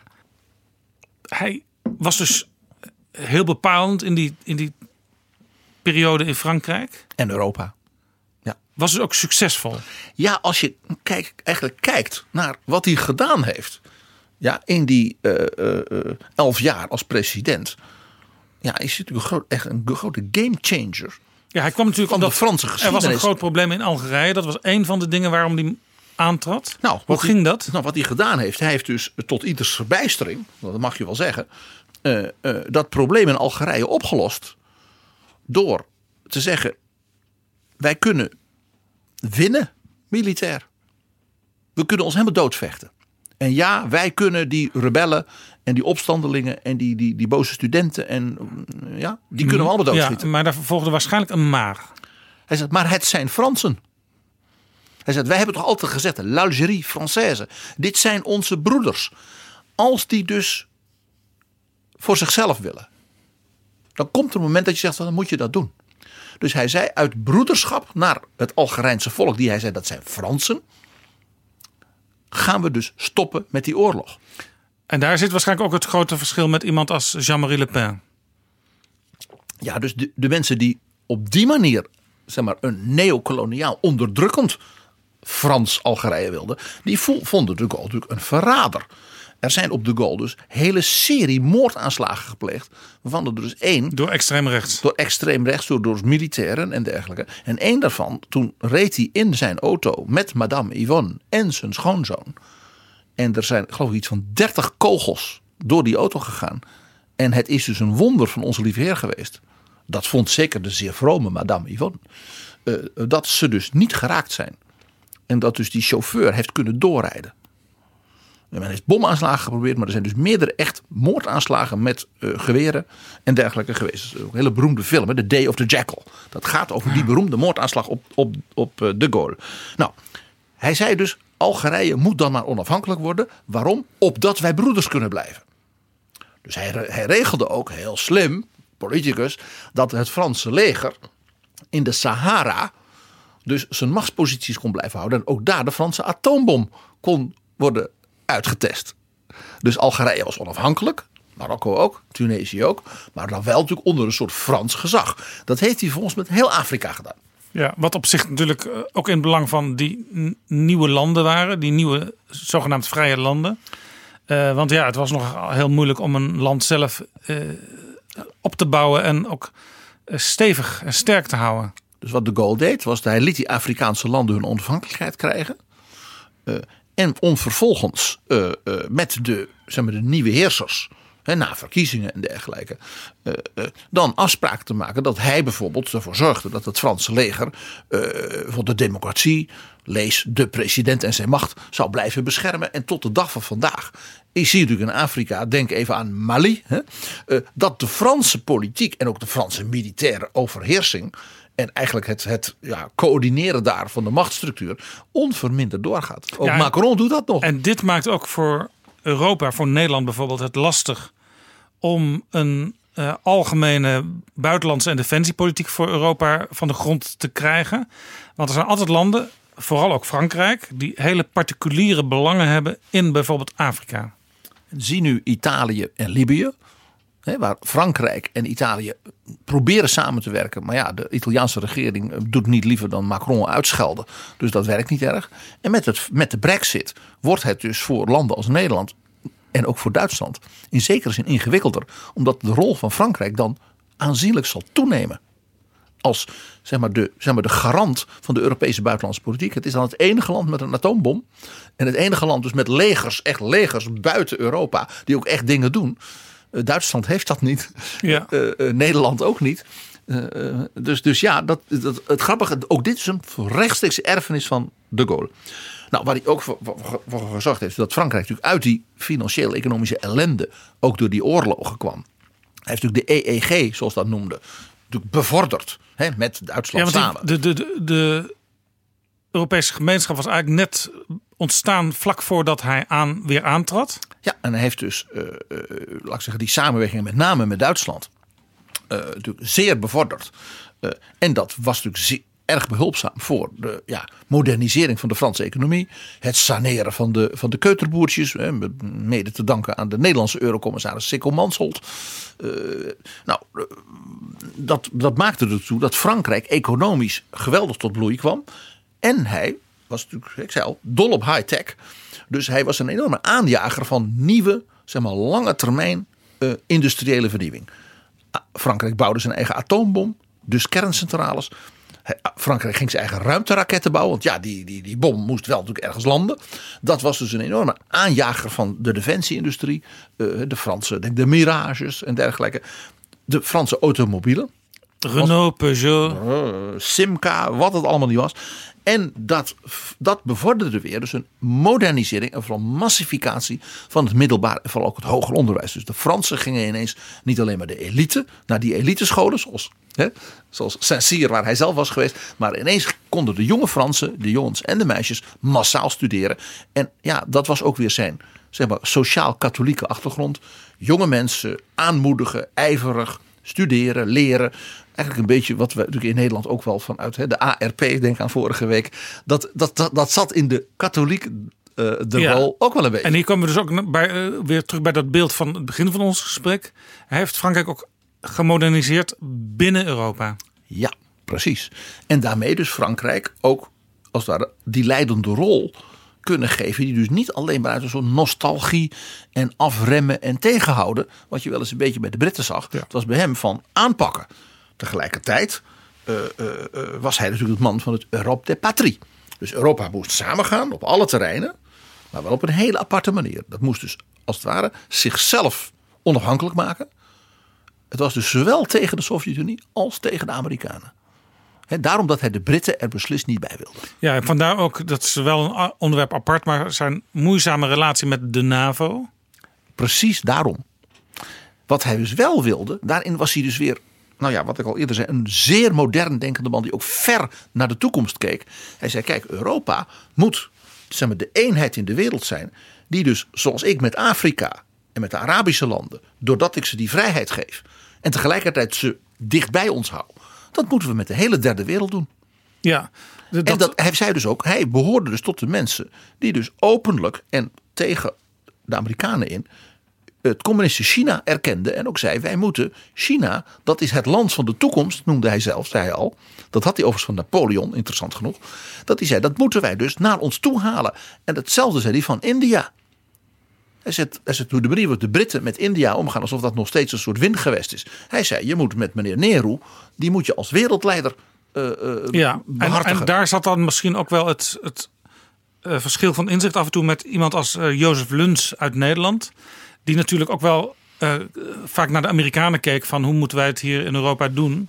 En dat was niet altijd hetzelfde wat eh, de Gaulle wilde. Nee, en Jozef Luns deed natuurlijk de klassieke Nederlandse strategie. De Britten erbij, zodat we het spel tussen de Duitsers en de Fransen compliceren. Zodat we als Nederlanders daar een voordeeltje Ja, uit wat kunnen nu halen. in 2019 een probleem is geworden omdat de Britten vertrekken. Althans, dat zijn ze nog steeds van plan. Ja, dus je zou eigenlijk kunnen zeggen, denk aan ons gesprek met Manfred Weber onlangs.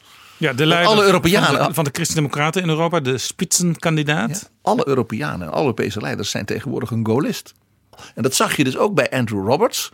Want toen bij Andrew Roberts kwam datzelfde punt aan de orde. En dat kan nog niet anders zijn als je nu naar het Europa van nu kijkt. Een soort neo-gaullisme. En Roberts die was, vond ik zo leuk, getroffen. Dat hij zei, ja, ja, Churchill had dus op zijn manier iets. Maar zeker mevrouw Thatcher die, was eigenlijk een soort Gaullist. Ja, en dit is dus ook een beetje wat je eh, nu bij, bij meer Europese landen ziet en Europese regeringen. Ze willen allemaal wel die Europese samenwerking. Hè? Het staat zelfs in het verdrag een ever closer union. Maar veel Europese leiders begrijpen dat ever closer union verkeerd als een soort iets verstikkends. Maar het is juist, en dat is ook een beetje wat Rutte uitstraalt. Ja, Europese samenwerking, ja, innige samenwerking. Eh, maar Nederland blijft ook wel Nederland daarbinnen. En dat was dus een beetje dat Europe des Patrie van Charles de Gaulle. de Gaulle was van je kunt juist in een Europa waarin de volkeren, de culturen, de industrieën elkaar opzoeken als vrienden, elkaar dus ook positief uitdagen. Hè, want Delors eh, bepaalt geen Gaullist? Maar eigenlijk wel in diezelfde lijn. Dat hij zei, elke student in Europa moet elders in Europa bij de beste professoren hè, met het Erasmus-programma op bezoek gaan. Daag elkaar in positieve zin uit. Dus een positieve ri- rivaliteiten. Dat maakt dus die unie van, van mensen, bij Delors zelfs, wat hij zei, het unie van de harten, eh, eh, eh, alleen maar sterker. Ja. Dus ever closer union of people, of hearts, of, in, of institutions. Niet een soort steeds meer grotere bureaucratie. Ja, terwijl die bureaucratie in Brussel, die is wel op Frans leest geschoeid.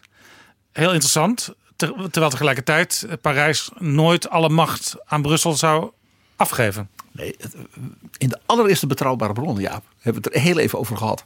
Dat de Gaulle al twee jaar nadat hij president was, zei dat die meneer uh, uh, Halstein, monsieur Halstein, de, zeg maar, de voorganger van Juncker, dat hij zei, die heeft dus een briljant apparaat opgebouwd in Franse leest als Duitser. En de knapste kop uit Europa, mensen als Sikko Mansholt, ja, Edmund Wellerstein, ook heel veel Nederlanders. En die dus met een geweldige werkkracht en idealisme dat Europese apparaat opbouwden. En dat hij zei, ho, ho, ho, ho, ho, dat wordt een super etat. Grappig hè. Dat Ja. woord superstaat Ja. komt dus van de Gaulle. Die dus voor die Unie was. Maar zei, we moeten daar, die Unie moet opgebouwd zijn uit dus herkenbare constituanten. Ja. En vandaar dus mijn opmerking. In zekere zin is- zijn ze allemaal nu. Ja, dus hoe, lang, hoe langer het ook alweer geleden is dat hij aan de macht was, hij krijgt langzamerhand nog steeds meer gelijk. Ook dat hij zei, uiteindelijk is de verzoening van Frankrijk en Duitsland, zeg maar de keystone, de, de, het absolute bodem onder die Europese samenwerking. Nou, nu met Brexit, wat zie je?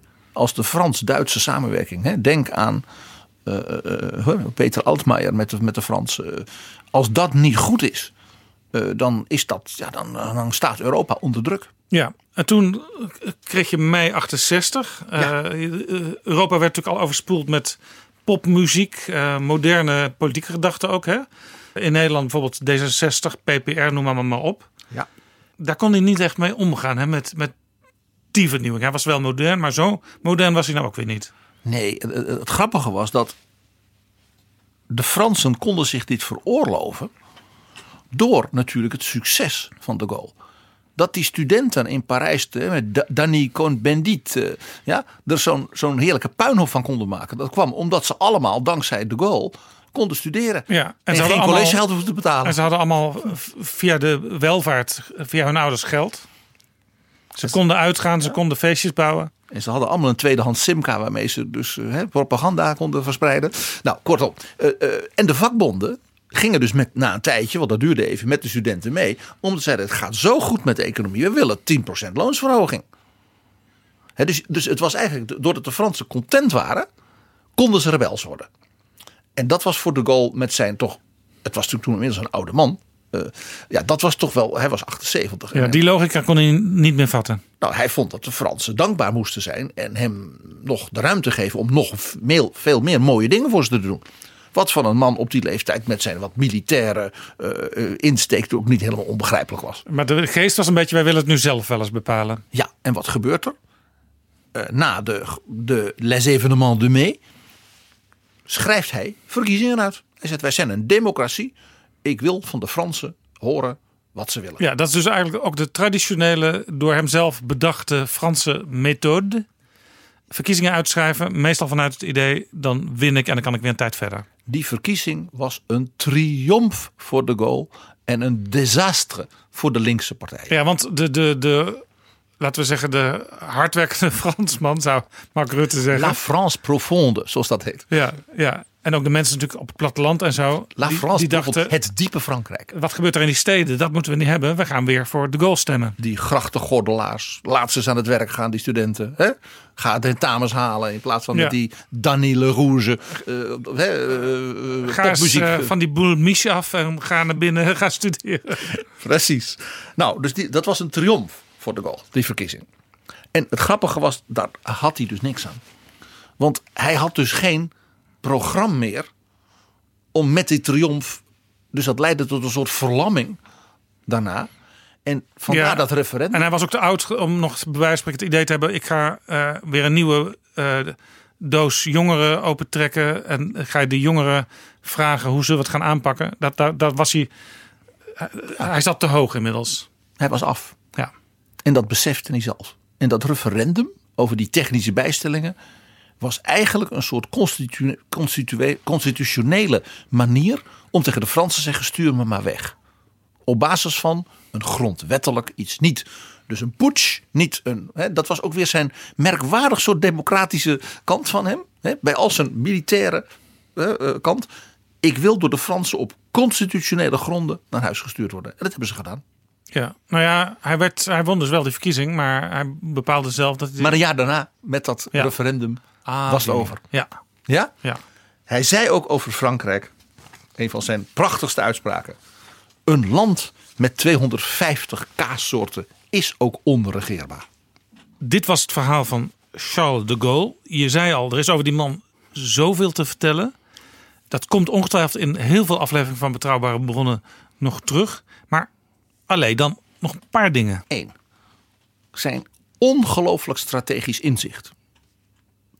Hij heeft zowel president Kennedy als president Lyndon B. Johnson als president Richard Nixon alle drie hetzelfde verhaal verteld over de Vietnamoorlog. Hij zei: Wij Fransen hebben dat gehad. Dat is een ramp geworden. Ja, dat was die, die strijd bij Dien Bien, Bien Phu. Een oorlog tussen zeg maar 1945 en 1954, negen jaar lang. Een koloniale oorlog. Hij zei: de beste Franse generaals, de beste Franse soldaten, ze gingen er allemaal aan. U moet als president van Amerika gewoon melden dat u klaar bent met uw missie in Vietnam. En missie voltooid. A mission accomplished. Ja, inderdaad. En u trekt zich gewoon terug. Dat is wat ik heb gedaan in die gruwelijke burgeroorlog in Algerije en in al die andere Afrikaanse landen. En Mr. President, daar is Frankrijk nou niet bepaald slechter van geworden. Want u wint daarmee in die landen respect. Niet dus de domino-theorie, nee, het omgekeerde. Een briljant strategisch inzicht. En dat heeft hij dus aan drie presidenten gezegd. En Nixon was daar waarschijnlijk gevoelig voor. Of was het gewoon voor Nixon sowieso al klaar toen met Vietnam? Nixon wilde onderhandelingen om er een eind aan te maken. En dan tussentijds die troepen, troepen terugtrekken. Dat was dus wat Kissinger als strateeg had gedaan. Nixon was een enorme bewonderaar van de Gaulle. En het interessante is, die, die onderhandelingen, waar zijn die gedaan? In Parijs. Dat is geen toeval. dat is waar, ja. ja. Nog wel iets heel erg. Ja, ja het allerlaatste. Heel, ja, het allerlaatste. Is, is, eh, ja, dat is zo heel erg de goal. Dat ik dat ook echt voor het eind heb bewaard. De Gaulle, de man van de literatuur, de man van de kunst ook. Hij had dus een vriend uit het verzet, die die minister van Cultuur maakte. Dat was een wereldberoemde kunstenaar, de schrijver André Malraux. En die heeft dus vele gesprekken met hem gevoerd en na de Gaulle's dood in een boek gepubliceerd. En in dat boek beschrijft hij een gesprek met de Gaulle over hoe hij denkt dat het nageslacht over hem zal denken. En hij zei, mon général, laten we er niet omheen draaien. De Fransen zullen natuurlijk ook na uw dood, als wij beide dood zijn, u niet vergeten. Met wie denkt u dat de Fransen u zullen vergelijken? Napoleon. Napoleon? Louis XIV? Jeanne d'Arc? Oh, zei de Gaulle. Oh, ik denk dat ik wat de populariteit en de liefde van de Fransen maar één rivaal zal hebben in de historie. Alors, ça sera sans doute Tintin. Dat zal zonder twijfel Kuifje zijn. Ik hoor het hondje Bobby nu blaffen, Milou. En kapitein Haddock mil, mil, miljoen de sabot roepen. Duizend bommengranaten. Prachtig. Hij, hij bracht ze dus eigenlijk terug, heel down to earth, naar Tintin. Tintin. Een Belg. De, ook dat, nota bene. Dankjewel, PG, voor dit prachtige verhaal over generaal Charles de Gaulle. Vive la France, vive, vive la, la République. Ta ta ta ta ta ta ta ta Le jour de gloire est arrivé. Contre nous de la tyrannie, l'étendard sanglant l'étendard sanglant élevé.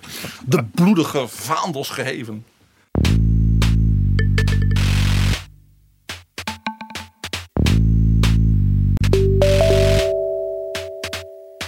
Ik ga praten met Chris Alberts, docent aan de Haagse Hogeschool en aan de Erasmus Universiteit Rotterdam. Hij schrijft onder meer voor de website The Post Online en is voor velen bekend van Twitter, waar ik hem volg als hij bijvoorbeeld aanwezig is op bijeenkomsten van het Forum voor Democratie en elk detail tweet. Niet alleen wat er gezegd wordt, maar ook als bijvoorbeeld Henk Otte hem een kopje koffie aanbiedt. Welkom in Betrouwbare Bronnen, Chris Alberts. Dankjewel. Hoe kwam u op het idee om zo aan detail te gaan twitteren? Eigenlijk is dat gewoon dat, dat twitteren, dat is eigenlijk gewoon een online notitieblok.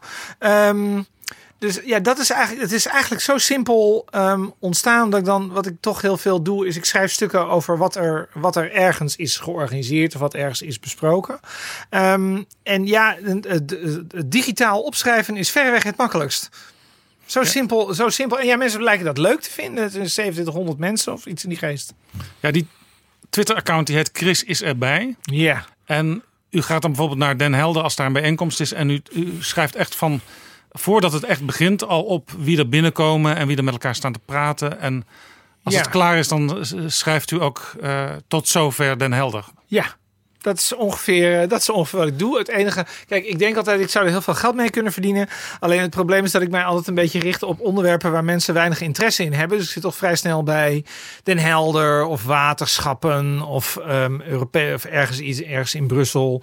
Ehm, dus kijk, als ik de grote, als ik de grote politieke evenementen eh, zou doen, dan zou het nog wel een businessmodel opleveren, denk ik. Ja, over Den Helder gesproken, daar heeft u een tijdje geleden een boek over geschreven. Over de gemeenteraad, Palermo aan het Marsdiep. Ja. Mooi boek. U schreef ook een boek een tijdje geleden over rechtspopulistische partijen. En wat altijd weer misgaat, bij welke nieuwe partij dan ook. En een paar weken geleden, net op tijd voor de Europese parlementsverkiezingen, publiceerde u samen met Mendeltje van Keulen, zij was de gast in Betrouwbare Bronnen aflevering 11, het boek Wat doen ze daar eigenlijk? Gesprekken met Nederlandse Europarlementariërs. En wat is geschreven met kapitalen? U bedoelt, we weten er te weinig van? Ja, we weten er helemaal niks van. Je kunt over ehm, het Europees Parlement kun je mensen echt alles wijsmaken ehm wat er maar wijs te maken valt. Daar zijn zo ontzettend veel voorbeelden van. Ehm, dus mensen kennen de mensen niet die er lopen. Mensen kennen de structuur niet. Mensen weten niet wat het voor instelling is. Mensen kennen het in termen van procedures niet. En er is ook weinig wil om daar meer over te weten te komen. Bij Ja. velen in ieder geval. Want op 23 mei, dat is al snel, dan zijn er in Nederland de Europese verkiezingen. En we zien er bijna niets van op radio en televisie en in de kranten. Ja, dat klopt. Dat is toch raar?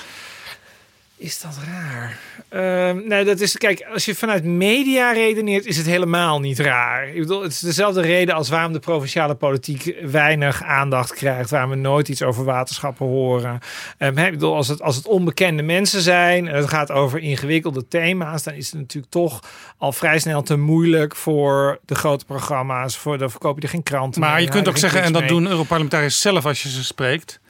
Kijk, pro- provincies die gaan over bijvoorbeeld het landschap, hè, de aanleg van nieuwe weg. Zo'n nieuwe weg komt dan soms nog wel in het nieuws.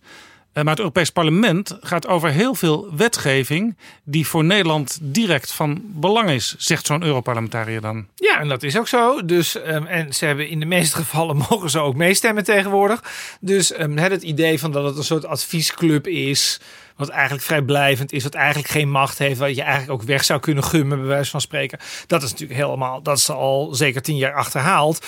Ehm, maar in de perceptie is dat Europees Parlement natuurlijk juist helemaal niet belangrijk, omdat mensen er nooit iets van zien. En wat je dan dus krijgt, ik was vorige week bij Editie NL. Toen werden de stembiljetten werden in Nederland uitgedeeld kennelijk. En toen mocht ik even iets zeggen over het Europees Parlement. En dan zit ik met Fons Lambie van RTL zit ik in dat filmpje. Ja, overigens een goede journalist als het over Europa gaat. Hij, eh, ik moet er wel bij zeggen, hij doet niet het Europees Parlement meestal. Hij doet altijd de regeringsleiders. Hè. Als Rutte in Brussel of ergens anders Ja. is, dan is Van Lambie erbij. Nou, en dat is dus precies, en dat is dus ook precies het punt. Dan denk ik, ja, Fons gaat naar Brussel als er iets is met regeringsleiders. Maar je hebt natuurlijk Europese politiek bestaat uit twee delen. Je hebt het, het Europese parlement aan de ene kant en de ministers en regeringsleiders aan de andere kant. Dus dat het over de landen gaat. En Fons doet natuurlijk alleen maar de landen en dan ook nog eigenlijk alleen maar de regeringsleiders. En die laat eigenlijk dat hele Europees parlement weg. En die zegt dan zoiets op tv als: ja, daar is weinig interesse in. Ehm, dat vinden de mensen heel oninteressant. Eh, daar hoor je ook nooit wat over. Dan denk ik, ja, maar ja, dat is natuurlijk ook omdat RTL. En ik, ik snap het verder wel, dus ik, zal niet, ik wil niet al te onaardig naar RTL doen. Maar ik snap wel dat RTL dat niet doet. Maar RTL doet het niet. En dat is natuurlijk ook de reden waarom je, als je nu eh, de straat op gaat en vraagt wie zijn Nederlandse Europarlementariërs, dat een hele hoop mensen hun, hun schouders ophalen. En zeggen, ja, eh Frans Dus- Timmermans. Ja, het is een redenering eigenlijk dus die zichzelf versterkt. Eh, het is, eh, het is eh, niet uit te leggen en dus ga ik het maar niet uitleggen. Ja, en heb je ook nog. Kijk, wij praten er nu vrij lang over. Maar meestal stopt een item ongeveer hier. Dus dan moet, dan moet dat allemaal uitgelegd worden. En dat gaat dan nog steeds over die structuur die mensen niet kennen. En die mensen die mensen. En die, die politici die mensen niet kennen met die procedures. Ja, eh, dat, dat, dat helpt natuurlijk niet om mensen in dat. eh, in een beetje een, be- een idee te geven in ieder geval van hoe zou zo'n eh, parlement moeten of hoe werkt dat in de praktijk, hoe zou het moeten werken en wat, wat wordt daar gedaan? Overigens is premier Mark Rutte het met die redenering die hij aan eh Fons Lambiet toeschrijft eens. Want Rutte zei onlangs bij Buitenhof dat die Europese verkiezingen helemaal niet zo relevant zijn. Want hij, Rutte, regelt de dingen als premier wel met zijn mederegeringsleiders. Het gaat wel razendspannend worden, de verkiezingen. Heeft u enig idee hoe dit kan uitpakken? Europese verkiezingen? Ja. Ja, die vind ik niet zo relevant, want die gaan over een orgaan, het Europees Parlement, wat natuurlijk een functie heeft in, in Europa. Maar veel belangrijker zijn, wat gebeurt er dadelijk nationaal in Duitsland? Bij nationale verkiezingen, want daar ligt de echte macht. Wat gebeurt er in Frankrijk bij de nationale verkiezingen? Ehm, kijk, Frankrijk heeft een heel bijzonder systeem. Ik, ik, ik ga dat niet als een politicoloog hier Ja, maar proberen de te stemmers analyseren. gaan wel nu een oordeel geven natuurlijk uiteindelijk... over hoe ze over ja, de alleen wereldproblemen is, de denken. opkomst is dan weer zo laag dat de vraag is hoe representatief is dat nou echt. Hè? Dan, de- Mhm. Maar goed, dat moet je allemaal zien. Het Europees Parlement heeft zijn rol, belangrijke verkiezingen. Maar het is niet van het belang van nationale verkiezingen zoals wij die dadelijk eh, weer krijgen in 2021. Maar maakt u zich zorgen? Ja, kijk, er- het is heel makkelijk om cynisch te doen hè, over het Europees Parlement. Je kan zeggen er is een eurofiele meerderheid in Brussel. En die eurofiele meerderheid die levert uiteindelijk altijd steun op voor wat voor beleid daar ja, de leden ook- van het Europees Parlement zijn in meerderheid eurofiel, zeg je. Ja, die zijn in meerderheid Dus eurofiel. voor Europa en voor meer Europa. Ja, kijk, dit is een beetje, dit is natuurlijk, dit is natuurlijk de discussie die je er eigenlijk over zou moeten voeren. Van is het nou meer Europa of is het gewoon Europees beleid? Ik denk al die eurofiele Europarlementariërs die zeggen allemaal niet dat ze voor meer Europa zijn. Die zeggen wij zijn hier gewoon bezig met Europese beleidsdossiers. En ja, dat zijn wel Europese regels. En wij hier, vanaf een afstand, ervaren dat dan als meer Europa. Of het echt meer is. Het, ja, of je nou privacywet A, B of C aanneemt in Europa. Het is allemaal Europa. Dus ehm, in die zin ben ik het niet helemaal eens met dat ze per se, per se eh, meer Europa willen. Maar wat ze in ieder geval wel, wat wel heel erg de neiging is, en dat, dat is misschien wat je bedoelt, is zij zeggen toch bijna nooit, ehm, dat vinden wij nou geen taak van Europa. Dus als je het over migratie gaat hebben, dan komen daar toch altijd weer Euro- Europese migratieregels uit en een Europees verdelingsmechanisme en Europese normen en zo. Het is nooit dat men denkt, nou weet je, die migratie, dat kan eigenlijk, dat kunnen die lidstaten zelf wel doen. Dat hoor je die Ja. eurofiele nou, Europarlementariërs migratie misschien zeggen. ook geen goed voorbeeld. Want als nou iets eh, grensoverschrijdend is, letterlijk en figuurlijk, is het migratie. Eh, dus eh, zou je dat Europees moeten aanpakken, lijkt mij. Ehm, En daar zijn ook verschillende ja, Europarlementariërs dat- mee bezig. Ja, daar zijn allerlei Europarlementariërs mee bezig. Nederlandse. Ehm, maar ja, kijk, ik zou denken, wat is de reden waarom ehm, het Europees Parlement moeilijk, moeilijk ligt? Omdat het gaat over thema's die mensen het minst aan het hart liggen. Eh, dus het zijn wel belangrijke thema's. Het heeft allemaal invloed op ons, maar het is niet meteen iets waarvan we nou in het dagelijks leven iets merken. En daarom zou ik dus zeggen, daarom hoort die, horen die alles wat rond migratie en asiel eh, hoort dus ook zeker niet in het Europees Parlement thuis. Maar dat is dus een hele andere reden. Omdat dat namelijk iets is wat mensen wel heel erg aan het hart ligt. En het probleem van het Europees Parlement natuurlijk is dat ze weinig accountable zijn naar de bevolking toe. Dus het is niet zo eh, simpel om te zeggen oké, er is iets in Europa besloten. En wie is daar nou afrekenbaar op? En op het moment dat je dan zou zeggen, eh, nou ja, laten we zeggen, we doen een Europees verdelingsmechanisme en we vinden dat de meeste asielzoekers dit jaar wel naar Nederland kunnen, dan weet ik niet of je dat nou echt door het Europees Parlement besloten wilt hebben. Want je wilt dan toch als burger kunnen zeggen, dat wil ik niet, ik stem jou weg en ik wil iets anders, zodat die asielzoekers hier bijvoorbeeld niet komen. Ja, dus u vindt eigenlijk dat een Europarlementariër als Jeroen Leenaars of een Europarlementariër als Sophie in het veld, CDA, D66, zich niet met asielzaken moeten bezighouden? Dat is in mijn ideale, in mijn ideaal is dat, eh, is dat zo. Maar kijk, dat is natuurlijk het probleem van eh, dat, dat, dat parlement. Ehm, die dossiers die liggen daar nu al. Dus dit is eigenlijk, wij praten nu over een soort keuze die er zou kunnen zijn. Die in de praktijk natuurlijk helemaal niet voor ligt. Want er is al Europees migratiebeleid. Er is in ieder geval, hè, er, zijn wat, er zijn wat dingen. Daar zijn ze al over aan het onderhandelen. En ja, het enige wat die Europarlementariërs dan nog kunnen doen, is zeggen: we willen een beetje, hè, we willen, eh, nou, we willen A, of we willen B, of we willen C, of we willen een mix daarvan. En de, de optie, we doen dat helemaal niet, die is eigenlijk natuurlijk al gepasseerd. Ja, en kan me ook wel voorstellen dat als je politicus bent in het Europese parlement en je ziet de regeringsleiders met elkaar steggelen over asiel. Eh, Italië, Griekenland, die hebben grote problemen. Eh, Nederland wil liever zo min mogelijk eh, asielzoekers binnen de grenzen krijgen. Hongarije wilde helemaal geen binnen de grenzen. Mhm. Dat je dan als politicus denkt, ik ga via het Europees Parlement druk uitoefenen om tenminste nog iets van een soort gezamenlijk Europees idee hierover te bevorderen. Ehm, nou ja, maar ja, goed, dat is dus. Maar goed, dat is, dat is wat het Europees Parlement eigenlijk ook doet. En ik zou zeggen, daar ligt ook geen keus voor. Want laten we gewoon eerlijk zijn: de Christendemocraten, de Sociaaldemocraten, de Groenen, de Liberalen, dat is een ruime meerderheid. Die vinden allemaal dat er Europees migratiebeleid moet komen en dat er een verdeelsleutel moet komen voor, voor vluchtelingen. Dus ehm, dat is dus ook het gekke aan die verkiezingen. Die verkiezingen die suggereren een beetje van alsof het nog een soort keuze zou zijn tussen doen we dat nou wel of doen we dat nou niet. Terwijl ja, soms, soms kan een land zeggen van we, we, doen het, we doen niet mee. Maar dat is dan eigenlijk via de Haagse lijn. En dat is niet via het Europees Parlement. Het Europees Parlement gaat gewoon regels afspreken die voor iedereen gelden. Ja, een van de kenmerken in uw boek van een modale Europarlementariër, zoals u die beschrijft, is eh, dat zo iemand, als hij een tijdje in het Europees Parlement zit, Europeeser tussen aanhalingstekens gaat denken dan zijn nationale partijgenoten in de Tweede of Eerste Kamer. Mhm. Eh, dat is ook wel logisch natuurlijk, want je zit ook daar in een soort kaasstolp. Ja. En misschien is het ook wel logisch, omdat je een andere invalshoek hebt daar, zoals een Eerste Kamerlid in Nederland ook een andere invalshoek heeft dan een Tweede Kamerlid. Ja, dat klopt. En ik bedoel, de, de, de omgeving waar je in zit, daar word je mee besmet, zou je kunnen zeggen. En ik vind zelf Dennis de Jong van de SP, en die is toch redelijk kritisch, ehm, die zegt dat eigenlijk zelf heel, heel treffend, vind ik. Ehm, niet, niet letterlijk, maar het komt er toch op neer. Je praat mee over Europese regels. Je wilt eigenlijk die Europese regels niet, maar je praat wel mee om ze meer nou ja, jouw kant op te krijgen. Ja, dan heb je wel bijgedragen aan het feit dat die Europese regels er komen.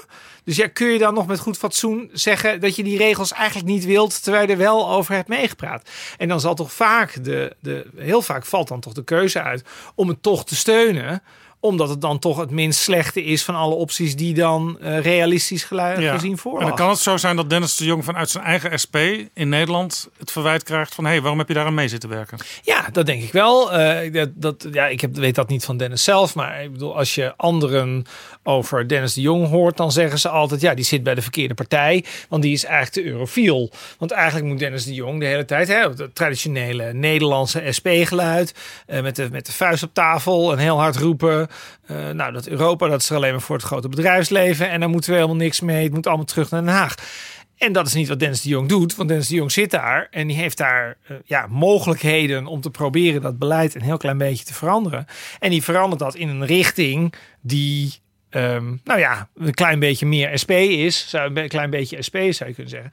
Maar ja, het is ook, waar we, eer, waar we het eerder over hadden, meer Europa op een bepaalde manier. Want het zijn wel ja. degelijk. Nee, ik heb, ik heb De Dennis de Jong... Europese, de, de Europese trein, wat is het ook alweer? De Europese rechten van de treinpassagiers heeft eh, Dennis de Jong geregeld. Ja, en ik weet Ja. in, in zijn vorige periode, alweer een tijdje geleden, was hij ook heel erg bezig met het midden- en kleinbedrijf. Want dat kwam in Europa volgens hem te weinig aan bod. En dan kan kun je natuurlijk zo redeneren vanuit de SP. Ja, het grote bedrijfsleven krijgt alle ruimte daar. Er zitten ook heel veel lobbyisten. Ik ga mij eens inzetten voor het MKB. En dan kun je dus best wel een belangrijke rol spelen als Europarlementariër. Als je daar dingen geregeld kan krijgen. Eh, ja, want dan geldt het in ieder geval voor heel, dan geldt het in ieder geval voor heel Europa. Dus in die zin vind ik wat de SP doet, die proberen iets te bereiken, ook al zijn ze eigenlijk tegen dat, of in ieder geval ze zijn niet helemaal tegen het systeem, maar ze zijn toch daar wel heel erg kritisch op. Is toch iets anders dan bijvoorbeeld de PVV doet, die ook niet mee hebben gewerkt aan het boek. Die eigenlijk niet kunnen aantonen dat ze daar überhaupt iets in, in, in gang hebben gezet. Ja, nee, over de PV gaan we straks nog even praten. Als ik zelf in het Europees Parlement eh, kom in Brussel of in Straatsburg, dan gaan er altijd een paar dingen door mijn hoofd. De eerste is, wat, wat indrukwekkend hier, al die volksvertegenwoordigers uit 28 landen die samen één parlement vormen. En het tweede wat ik dan denk is, en zeker als je er een paar dagen rondloopt en je in verdiept hebt, dat Europees Parlement heeft op steeds meer terreinen medebeslissingsrecht. En is dus belangrijk, want het gaat echt om wetten waar wij dagelijks als burger ook in Nederland mee te maken hebben. Ja. En het derde wat ik altijd denk, en dat is meestal als ik even op, weer op die publieke tribune zit daar, is die plenaire debatten. Die zijn nogal saai in het Europees Parlement. Ja, maar het punt is natuurlijk, en ik ben, ik- dat is eigenlijk wat mijn ontdekking, en dat vind ik eigenlijk heel dom van mezelf, maar dat is toch de ontdekking die ik door dit boek heb gedaan. Eh, want ik, ik heb me langer met het Europees Parlement bezig gehouden. Ik dacht eigenlijk dat ik dat allemaal wel wist. En wat ik toch door dit boek achter ben gekomen, is dat je toch, je moet toch een hele duidelijke scheiding maken tussen wat kun je zien en wat kun je niet zien. En wat we, eh, wat heel vaak, uh, hè, wat op YouTube kun je heel veel van die speeches. Dus dat zijn dan die minuten. Hè, dus Ja. dan, eh, dan Meestal heeft een parlementariër twee minuten, soms iets meer. En dan heb, geef je een soort verklaring af. Ja, het is een soort verklaring. Die verklaringen lijken allemaal een heel, heel enkele keer stelt iemand een vraag, maar die vraag kan zelfs nog worden afgewezen als, als Ja. iemand jou een vraag wil stellen. Ja, dit. Dus een, een debat zoals wij dat kennen met interruptiemicrofoons en zo, dat is er gewoon niet. Eh, nee, ja, dat is dus die vraag. Dan heb je geloof ik een blauwe kaart, heet dat dan. En dan moet je vragen of dan iemand dat dan wil accepteren. Ja, het gaat allemaal heel, het is allemaal heel wonderlijk. Maar het punt is natuurlijk dat dat debat niet belangrijk is. En wij, wat wij toch doen, is wij kijken naar het Europese parlement alsof het een soort Tweede Kamer zou zijn. Maar dan wat groter met meerdere landen. En dat is gewoon niet zo. Want wat die Europarlementariërs doen, is die zitten met elkaar aan tafels ehm, te praten over die wetteksten. En die proberen dan nou ja, met heel veel passen en meten die, die wetteksten een klein beetje hun richting uit te krijgen. Ja. En dat als, je, is- als je daar loopt in Straatsburg bijvoorbeeld, eh, dan zie je in de koffiekamers en overal zie je mensen met elkaar zitten te praten, vaak met stapels papier, met medewerkers erbij. En die zitten dus allemaal met elkaar te praten Ja. over kleine stukjes tekst die ze anders willen gaan proberen te maken. Dat zijn meestal grote voorstellen die van de Europese Commissie afkomen. Mhm. En daar staat dan bijvoorbeeld het woordje eh, niet in. En dat willen ze dan, dat niet willen ze schrappen om de betekenis totaal te veranderen. En daar zijn ze dus bij elkaar voor aan het lobbyen. En daar moeten ze uiteindelijk. Dus ja, eigenlijk moet ik aan jou vragen, maar ik va- vat het even Ja. samen. Eh, dus een meerderheid in het parlement voor krijgen om dat te veranderen. En vervolgens moeten ze dan vaak toch weer in overleg gaan met de Europese Commissie en natuurlijk ook met de lidstaten. Nou ja, het is, allemaal heel, het is echt allemaal heel erg vreselijk, zou ik bijna zeggen. Want ik bedoel, je hebt dus in de eerste plaats hebben ze dat initiatiefrecht niet. Dus, wat, dus het Europees Parlement kan je niks beloven, ook tijdens die verkiezingen eigenlijk niet. Hè? Want nee, ze eerst- kunnen dus eigenlijk geen, zelf geen wetten maken. Ja, geen, ze geen kunnen bedenken. niet. Nee, precies. Ze kunnen niet, ze kunnen niet zeggen. Eh, wij beloven u dat het Europees Parlement, weet ik veel, eh nou ja, bijvoorbeeld dat de Erasmus, dat er een nieuw systeem voor Erasmusbeurzen voor MBO-scholieren komt, zoiets. Dat, dat kunnen ze niet beloven, want dat moet eerst voorgesteld worden door de Europese Commissie en dan gaat die wetgevingsmachine aan de gang en dan kan het Europees Parlement daarover gaan praten. Nou, en wat is nou het grote verschil tussen het Europees Parlement en de Tweede Kamer hier? Is dat die, dat die wetsvoorstellen worden eigenlijk helemaal ondersteboven gehaald. Of in ieder geval die kunnen potentieel ondersteboven worden gehaald. En dat is natuurlijk wat hier eigenlijk in Den Haag helemaal niet gebeurt. Dus ik bedoel, hè, in Den Haag je hebt toch een coalitie. Je weet al dat er voor die voorstellen, dat is al uit onderhandeld. Er is al een meerderheid. Ja, dan komen er nog wat vragen en wat moties en doen wat, wat debat. Maar in essentie blijven die voorstellen toch in 99% van de gevallen wel ongeveer zoals ze zijn. Terwijl als de Europese Commissie in Brussel een voorstel doet, weet je eigenlijk niet of je daar een meerderheid voor krijgt in het Europees Parlement. Dus dat moet dan helemaal uitonderhandeld worden. Nou ja, en daarna gaat het ook nog een keer. Maar ja, dit wordt dus, dan, dan haakt dus iedereen af. Je zou dan denken, dan ben je klaar. Maar dan gaat het dus nog naar die, naar die landen toe. Die, moeten dan, die doen dat dan eigenlijk nog een keer over. Nou, dan gaat het natuurlijk soms weer de andere kant op. Dan gaat het weer terug naar het parlement. Dan gaat het weer terug naar die landen. Dan moet het klaar zijn. En tegenwoordig doen ze het ook nog allemaal in één ronde. Maar dan doen ze het achter gesloten deuren. Dus dan zie je het. En die landen zag je al niet. Dus nu zie je de hele triloog niet meer. Dus ehm, het Ja, wordt heel... heet de triloog. Ja, dat is de triloog. Ja, dat is het meest onbegrijpelijke van eh, Drie het zegt hele... het al, hè? Commissie, eh, Europees Parlement, landen. Ja, ja, en dan zit je, eh, dat is eigenlijk een manier om eigenlijk sneller, ja, dat, dat wordt, over die definitie wordt zeer gesteggeld, zou ik zeggen. Maar dat, ik zou zeggen, het is een manier om sneller tot overeenstemming te komen tussen de drie instellingen over wat dan die Ja, wetgeving en moet het feit worden. dus dat er drie instellingen bij betrokken zijn en dat het in een aantal ronden gaat, maakt dat een, bijvoorbeeld een Nederlandse minister hier tegen de Tweede Kamer kan zeggen: ja, het moest nu eenmaal van Brussel, terwijl wij dat niet kunnen controleren. Eh, ja, en dat is ook precies het probleem. Dat is de tweede les die ik uit het boek haal. Ehm, het is heel oncontroleerbaar wat ze doen. Dus ik ben ook super kritisch geworden over dat Europees Parlement. En eigenlijk niet zozeer over de mensen die daar zitten. Want ik denk dat de meeste daarvan van goede wil zijn op zich. Ja, je kunt inhoudelijk met ze oneens zijn, maar die doen En die moeten werk. werken met de middelen die ze hebben, die zitten in, nu eenmaal in dat ja, systeem. en- maar wat je, dan, wat je dan dus hebt, is dan moet je in zo'n triloog zitten. Nou ja, dan, ja, dat is niet transparant. Dus dan heb je een, een rapporteur, dus die zit daar namens het hele Europees Parlement. Nou, in de meeste gevallen is dat dus geen Nederlander. Hè, dus dat is dan alweer iemand die wij niet kennen. Daar zit dan de voorzitter van de Europese Raad. En dan zit dan of de voorzitter van, die, van, eh, de, van, het, eh, van het landendeel, zal ik maar even noemen. En iemand van de Europese Commissie. Ja, dat is achter gesloten deuren. Dus we weten niet wat daar wordt uitgewisseld. Dan kun je zeggen, ja, dat zijn dan schaduwrapporteurs. Maar het probleem is een beetje, je krijgt een soort compromis op compromis krijg je. Dus je krijgt iets heel ehm, ja, grijzigs, zou je kunnen zeggen. Dus het CDA vindt nu allerlei dingen. Omdat, hè, dus die vinden Ja. bijvoorbeeld iets van migratie. Nou, eigenlijk doet dat er natuurlijk niet toe. Want het CDA heeft, nou stel dat ze het heel goed doen, vijf zetels. Nou, vijf op 751. Mwah. Hè, de SGP is hier, eh, is Ja. hier machtiger. Maar dan moet ik toch even amenderen, Ja. meneer Alberts. Ja, Het kom CDA op. zit tegelijkertijd in de allergrootste Europese fractie. Klopt. Waar ongeveer alle Europese lidstaten vertegenwoordigd zijn die zich christendemocraat of conservatief noemen. Dus het CDA heeft een potentie met die vijf zetels heel veel invloed. Dat, ja, maar dit is precies het punt waar ik naartoe wilde. Dan kom je dus eerst heeft het CDA een standpunt. Dan is de vraag: heeft het CDA hetzelfde standpunt als de Europese fractie, die uiteindelijk fractiediscipline kent? En daar zit dus, dat is dus niet gegarandeerd hetzelfde. Dus daar zou al compromisvorming kunnen plaatsvinden. Daarna, nou alleen die, dat heet dan EVP, de Europese Christendemocraten. Volkspartij, Europese Ja, de Europese Volkspartij. Volkspartij, die hebben niet. eh, die hebben ook geen meerderheid, dus die moeten dan weer met andere fracties. Dus Daar komt dan weer een, een compromis overheen. En dan gaan we daarna nog eens een keer met die landen. Dus als je dan aan het eind tot een stemming komt over een uiteindelijke tekst waar iedereen het over eens is, want dat is natuurlijk waar het proces naartoe moet. Ja, dat is dan natuurlijk toch een tekst die erg afwijkt van wat in Nederland bij die campagne in het Europese verkiezingsprogramma van het CDA stond. Ja, ik heb ook wel eens van een Europarlementariër gehoord die een rapport mocht schrijven. Ik weet niet meer precies wie, maar ik, ik heb van meerdere heb ik so- soortgelijke verhalen gehoord. Het was een zij. Zij schreef een rapport. En met alles wat in dat rapport uiteindelijk stond, nadat het in de werkgroep, in de commissie, et cetera was geweest, was zij het zelf niet helemaal eens. Dus ze ging weer amendementen op haar eigen rapport indienen. In de hoop dat die zouden worden aangenomen. Ja, en wat je dan, wat je dan dus ook ziet, is, dus dat, daar gaat dan het parlementaire ju- proces overheen. En je kunt inderdaad een amendement op je eigen rapport of op een andermans rapport kun je dan weer indienen.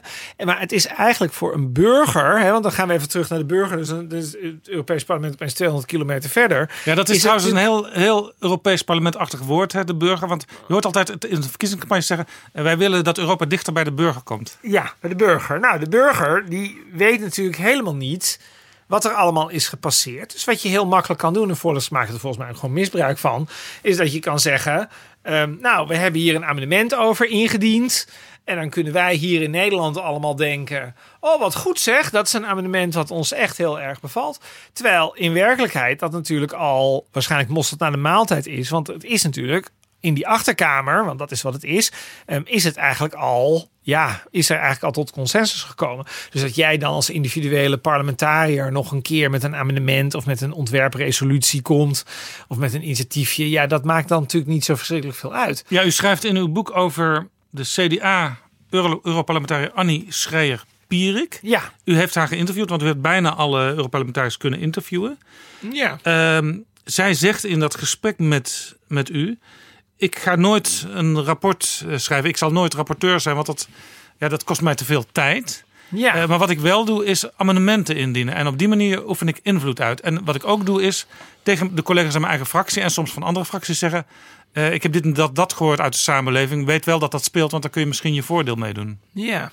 Ja, dat is kijk, eh, Annie Schreier is met, eh, met een straatlengte voorsprong de meest interessante Europarlementariër die we hebben.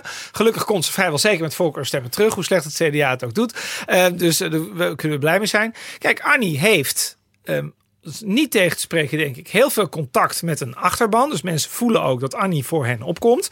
Ehm, dat hebben natuurlijk heel veel Ze heeft ook heel veel bezoekersgroepen altijd in het superveel EP. bezoekersgroepen. Het is echt heel erg imposant. Eh, het, het reizend mannenkoor Bijna iedereen uit Overijssel is al een keer in Straatsburg ontzettend geweest. vaak eh, naar Straatsburg toe. Dus eh, dat is ontzettend knap. En ik, bedoel, ik zou ook zeggen, ehm, echt een, is echt een meerwaarde. Want een hele hoop van die Europarlementariërs zitten daar toch heel anoniem. Zij brengen niet de Europa dichter bij de burger, maar de burger dichter bij Europa. Precies. Maar de vraag is natuurlijk wel, op welke manier zou je nou iets, hè, kun je nou iets betekenen daar? Nou, je kunt toch vooral iets betekenen als je je specialiseert en als je op een heel specifiek dossier gaat zitten.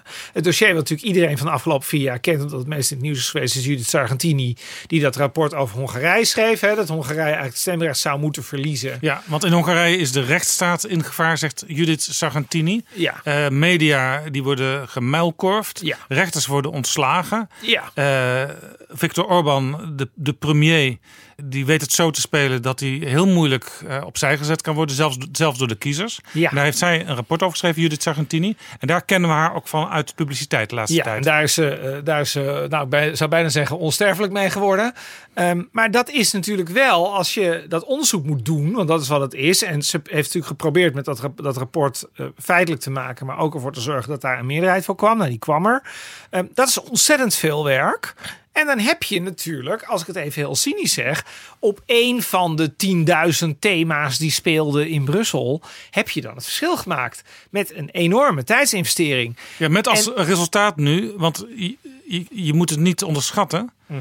eh, dat door haar rapport eh, Europa nu ook een artikel 7 procedure is gestart. Ja. Wat heel, een heel zwaar signaal is voor Hongarije. Ja. Het is overigens, met dat, met dat artikel 7 zou Hongarije bijvoorbeeld stemrecht ontnomen kunnen worden. Dat zal in de praktijk waarschijnlijk niet gebeuren. Mhm. Omdat Nou, alle het kan worden het, door eh, bijvoorbeeld ja. medestander Polen. Die ook in die hetzelfde ook in zo'n, in zo'n procedure zit.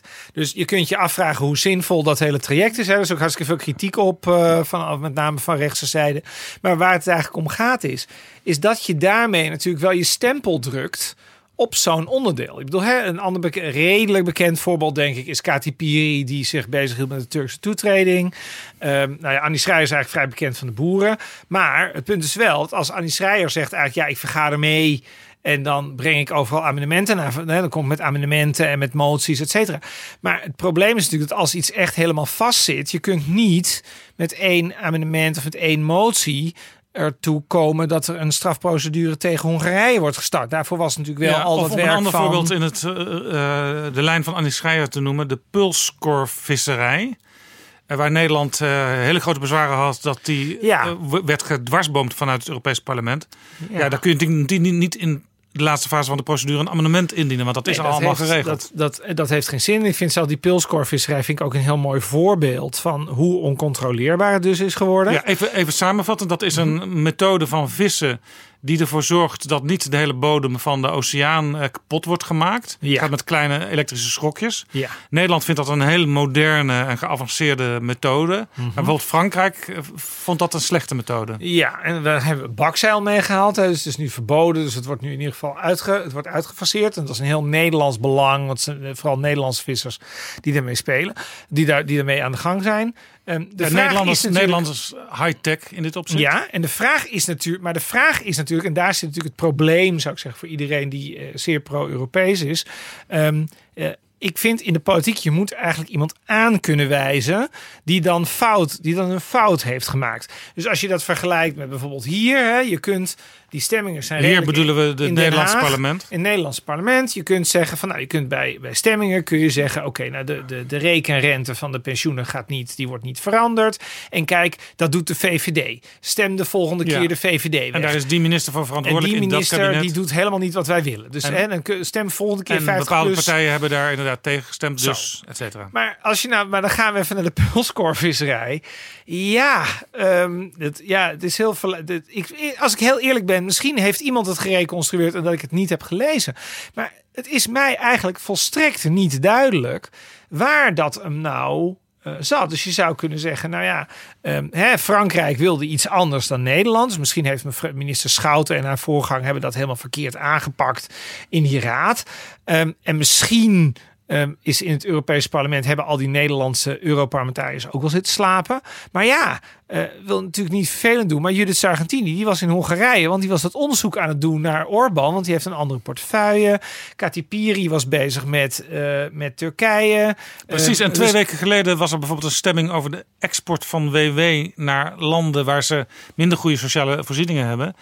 In de Tweede Kamer was dat een enorm gedoe geweest. Bleek plotseling ook in het Europees Parlement over gestemd te worden. En toen waren heel veel Nederlandse Ja. parlementariërs waren er niet. Misschien inderdaad wel, omdat ze met een heel belangrijk ander ding bezig waren op dat moment. Ja, die stemmingen. Kijk, je zou, ik zou altijd denken: bij die stemmingen moet je er zijn. Dat zou ik wel durven Ja, zeggen. Maar er, zijn ook, er zijn twee momenten in de week, geloof ik, hè, dat er gestemd wordt in de Straatsburgweek. dat, nou, volgens mij bij de Straatsburgweek moet je er gewoon de hele tijd zijn. En laten we eerlijk zijn: de Straatsburgweek duurt eh, drie, dagen min vijf uur. Dat duurt van maandag vijf uur, s middags tot eh, donderdag eh, de lunch. Dus, eh, dus dat, dat, dat valt wel mee. Je hebt dan ook nog wat sessies in, in Brussel. Dus die stemmingen, dat zou eigenlijk te doen moeten zijn.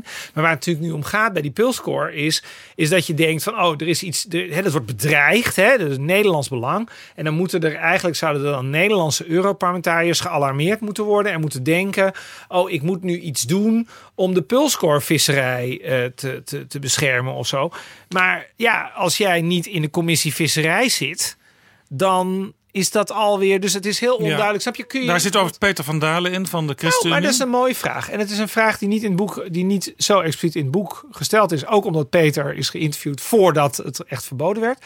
Maar de vraag is natuurlijk: oké, de pulskorvisserij is verboden. Eh, Peter van Dalen zit in de visserijcommissie van de ChristenUnie. Peter van Dalen heeft zich daarmee bezig gehouden. Kunnen wij nu Peter van Dalen iets verwijten? En dat klinkt natuurlijk heel onaangenaam, maar dat is eigenlijk wel zo. Ik bedoel, moeten, hè, de ChristenUnie-achterban zitten veel vissers bij. Als je hem hoort, eh, kun je hem niks verwijten, want hij heeft zijn uiterste best gedaan. Ja, en, nou, en daar zit precies mijn. En hier zit precies mijn punt. Dan moet ik hem op zijn op zijn ogen geloven dat hij dat gedaan heeft. Want het gaat voor een heel groot deel over verkeer. In commissies die ja, nou ja, niet altijd openbaar zijn. Maar en het gaat natuurlijk ook om het informele proces naast die commissies. Het is ook een onderhandeling met landen geweest. Daar sowieso zitten we daar niet bij. Dus in hoeverre is het nou reëel? Want ik wil wil ook niet mensen afbranden zonder reden. Maar kunnen we nou met reden zeggen... die Peter van Dalen die heeft daar zijn werk niet goed gedaan? Ja, ik vind dat een hele stevige uitspraak. Ik zou die niet voor mijn rekening nemen. Maar ik kan eigenlijk ook niet bewijzen... ehm, dat hij, nou, dat hij nou echt tot het uiterste is gegaan. Dus dat zal hij zelf wel En dat zeggen. kan niet, omdat er dus dingen achter gesloten deur plaatsvinden.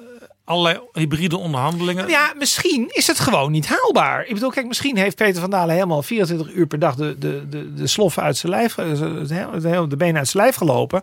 Maar als al die, al die Europarlementariërs in zo'n visserijcommissie zeggen: ja, we zien daar niks in. En in Nederland hebben jullie sowieso zitten zeuren over die vergunningen. Dat deugt allemaal niet, we doen het niet. Ja, dan kan natuurlijk Peter van Dalen kan natuurlijk ook geen wonderen verrichten.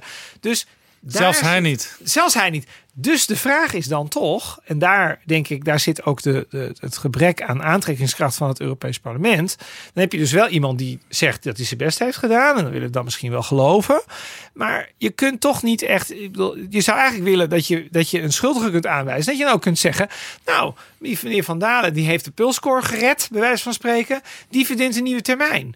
En wat zien we in de praktijk? Nou ja, als de peiling van één vandaag waar, waarheid wordt, dan haalt Kati Piri, die volgens mij een fantastische Europarlementariër is, die haalt eh, het nieuwe Europees Parlement niet. En waarom niet? Nou ja, het heeft eh, met allerlei dingen te maken, met name met, met wat in landelijk in Den Haag speelt, maar het heeft niets te maken met haar werk. Dus, ehm, dus dat vind ik wel een hele moeilijke. Ja, eh, en Katy is ook een voorbeeld, is een goed voorbeeld, want zij kwam vijf jaar geleden in het EP. Eh, zij kwam ook al vrij snel in de media, omdat ze eh, erin was geslaagd om, het, te, om Turkije-rapporteur te worden. Hè? Mhm. Er is een idee dat ooit Turkije misschien lid zal worden van de Europese Unie.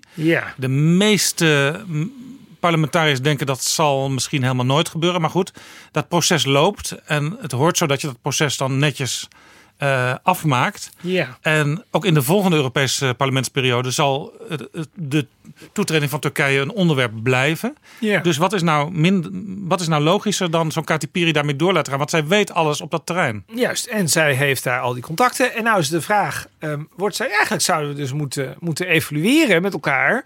Heeft Katy Piri dat nou goed gedaan? Nou ja, iedereen is volgens mij lyrisch over Katy Piri. Maar ik zou ook zeggen, dan wil ik ook best kritisch naar mezelf zijn. Dat is toch niet helemaal objectiveerbaar of Katy Piri dat goed gedaan heeft. Want hè, ik bedoel, de Turkse regering, die, die, die vinden dan geloof ik een PKK-aanhanger. Er zat toen een keer dat gezeur met of ze dan überhaupt dat land in mocht en zo. Dus ik bedoel, ja, ze heeft wel, eh, ze heeft wel lawaai gemaakt in ieder geval. Of in ieder geval op een soort diplomatiek niveau. Maar je zou je natuurlijk kunnen afvragen van ja, was dit de beste manier? Ja, dat is eigenlijk de ja. echte vraag. En die stellen we helemaal niet. Een van de mensen die in uw boek voorkomt is ehm VVD'er Jan Huytema. Dat is een jonge Europarlementariër die uit Ja. de agrarische wereld komt. Ja. Hij zit zelf ook wel eens op de trekker in, eh, in campagnefilmpjes. Die mag in gaan. En hij zegt in uw boek: Ik heb mij bezig gehouden met de nitraatrichtlijn. En dan, dan wordt er doorgevraagd door u en door Mendeltje van Keulen.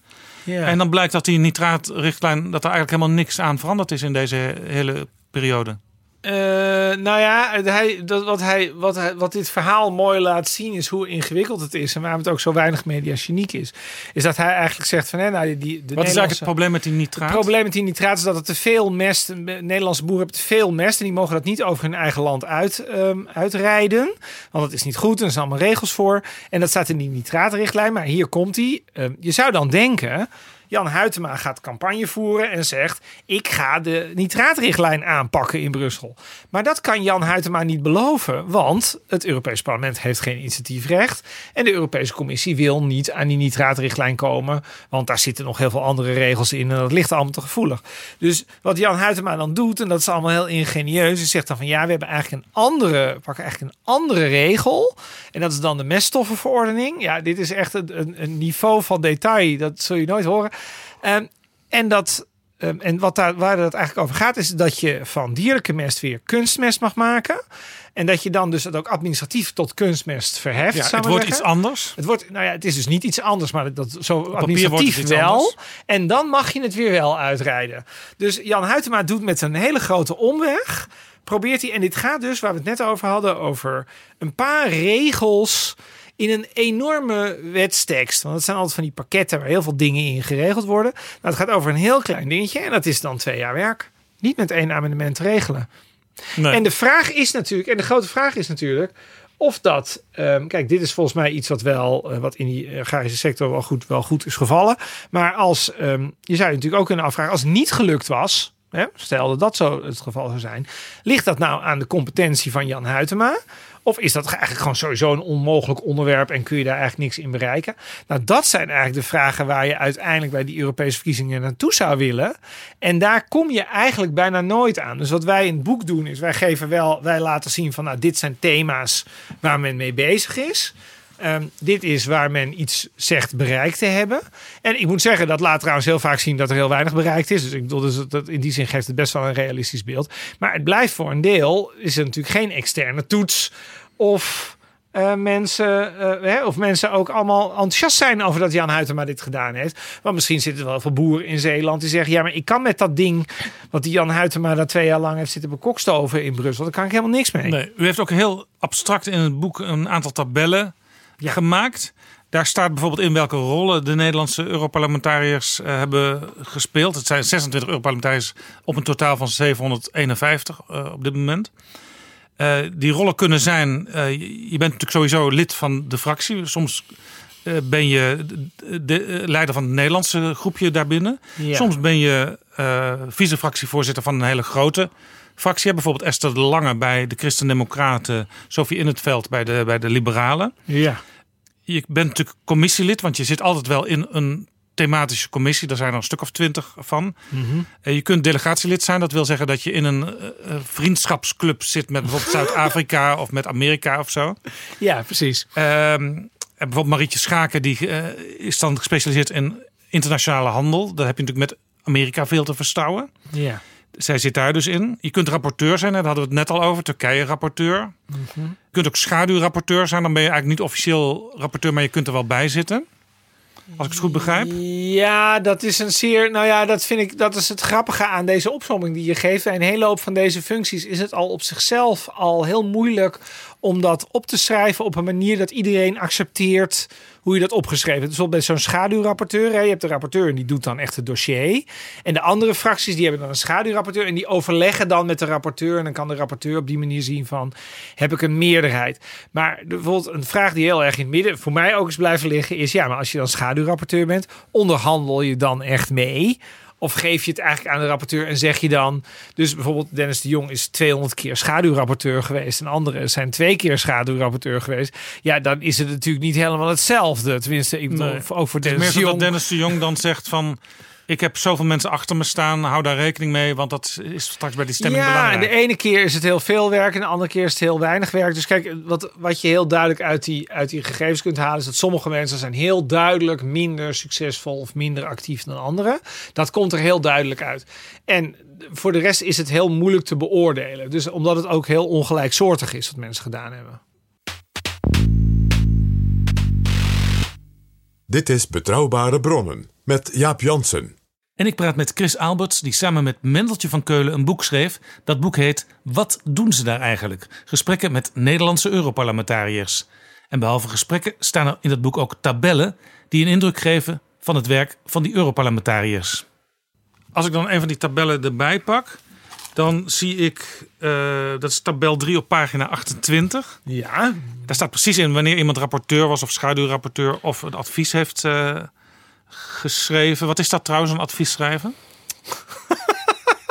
Daar kan ik alleen om lachen om die vraag. Dit is zoiets als dit is. Ja, maar dit, dit laat. Nou, ik moet dat wel uitleggen om dat te kunnen. Om te laten zien hoe afschuwelijk het is. Dan heb je een, een parlementaire commissie. Daar wordt, een rapport, daar wordt een bepaald thema behandeld. Dus die heeft dan een rapporteur die dat dan, die dat dan uh, doet. Daar zitten dan schaduwrapporteurs omheen en die adviseren dan vanuit andere fracties. En een adviesrapporteur is iemand die dan van een andere parlementaire commissie is, maar die dan wel advies mogen geven over het rapport van een andere commissie. Oké, okay, laten we dat dus dan daar maar kun je meteen... dan ook weer rapporteur op zijn. Laten we dat meteen vergeten. En dan zie je een paar uh, namen inderdaad. Uh, Wim van de Kamp van het CDA is vier keer rapporteur geweest. Uh, Gerbrandi van D66 ook. Schaken van D66 zes keer. Tang vijf keer van de Partij van de Arbeid. De Jong SP ook vijf keer. Nou, et cetera, et cetera. Dat zijn wel een beetje de topscorers. Ja, ook heel veel. Nou, de Jong enorm veel schaduwrapporteurschappen. U, u zei het net al. daar valt me in het midden van die tabel een enorm gat op. Ja. En dat zijn de de vier leden van de PVV in het Europees Parlement. Ja. Er is er eentje die is één keer schaduwrapporteur geweest. Hij heeft één keer een advies uitgebracht. Alle anderen hebben helemaal niks gedaan. Althans, niks wat in die tabellen uh, naar ja, voren komt. Dat klopt. Hoe kan dat? Ja, dat weten we niet, want we willen, zij, willen zij geen, daar willen zij niet over praten. Um, dat kan ik mij wel voorstellen dat ze dat niet willen. Kijk, het probleem is natuurlijk in de eerste plaats: je hebt dat Europees Parlement, daar zit een pro-Europese uh, stroming in. Dus als jij tegen Europa bent, dan is dat toch een lastige plek om iets te bereiken. Dat zou ik altijd ter verdediging van de PVV altijd zeggen. Maar um, dus het is heel moeilijk voor de PVV. Kijk, als PVV'er kun je natuurlijk wel rapporteur misschien worden op iets. Maar dat zullen nooit belangrijke dossiers zijn, want die zullen andere fracties krijgen. En als je dat dan bent, ja, de kans dat er nog iets van jouw eigen standpunt in zo'n stuk, daar krijg je nooit een meerderheid voor. Maar je zou Dus bijvoorbeeld kunnen denken als PVV, ik vind die, het handhaven van die pulskorvisserij zo belangrijk, daar ga ik me nou voor inzetten. Of denkt een PVV'er in het algemeen sowieso al, alles wat met Europa te maken heeft, daar wil ik eigenlijk mijn handen niet aan branden. Kijk, ik zou zeggen, je ziet het nu met FVD op precies dezelfde manier. Want die, in die zin is daar Vorm niet voor democratie. Voor democratie. Daar zit niet zo heel veel verschil tussen. Die hebben een wat algemeen idee over hoe dat met Europa moet. Hè. Dus die willen eigenlijk er het liefst uit en anders toch zo min mogelijk. En in ieder geval niet te veel betalen. Um, maar dan kun je toch op die individuele dossiers waar dat onderhandelwerk over gaat kun je niet zo vreselijk veel. Dus het is niet zo duidelijk wat de PVV nou precies in de praktijk voor lijn heeft als het over al dit soort dossiers gaat. Dus wat je nu net zegt, vind ik eigenlijk wel een creatieve. Uh, die vind, lijkt mij wel terecht. Ik zou zeggen, ja, de PVV. Je zou eigenlijk verwachten dat de PVV iets over die pulskorvisserij vindt. Hè? En dat ze in ieder geval vinden bijvoorbeeld dat Europa daarvan af moet blijven. Ja, want dat op, in ieder geval moet verbieden. Urk, waar veel vissers zitten, zitten ook veel PVV-potentiële stemmers. Ja. Uh, maar dat doen zij. Kijk, dat doen zij in de praktijk niet. Kijk, het probleem is natuurlijk dat je je moet netwerk bouwen, je moet ervaring hebben, je moet die procedures kennen. Uh, mensen moeten je ook vertrouwen, mensen moeten je ook iets gunnen. Dus als je normaal gesproken aan de zijlijn staat, zeg maar, en dat staan de PVV'ers toch in de praktijk. Dan kun je natuurlijk op zo'n moment dat die pulscore speelt, kun je niet even inspringen. Ja, je kunt wel iets gaan roepen natuurlijk, dat kan, dat kan altijd. Maar de, de kans dat er dan iemand naar jou gaat luisteren, die is niet zo, uh, die is niet zo groot. Ja, en dat is eigenlijk al bijna in strijd met de roeping van een PVV'er die inderdaad vaak s'morgens om, om zes uur de Telegraaf en een aantal andere kranten koopt en denkt, waar ga ik me vandaag weer eens uh, boos over maken? Nou ja, de, de kritiek bij de PVV is denk ik namelijk eigenlijk een andere dan deze. Kijk, um, het is, ik denk dat het een feit is dat de PVV niet veel kan bereiken. Ik denk dat we gewoon eerlijk over moeten zijn. Dat, moeten we, dat kunnen we hen eigenlijk niet verwijten. Maar wat we ze wel kunnen verwijten is dat we ze vijf jaar lang niet gehoord hebben. Dus dat zij, he, dat zij in dat wetgevende traject, dat ze daar niks kunnen.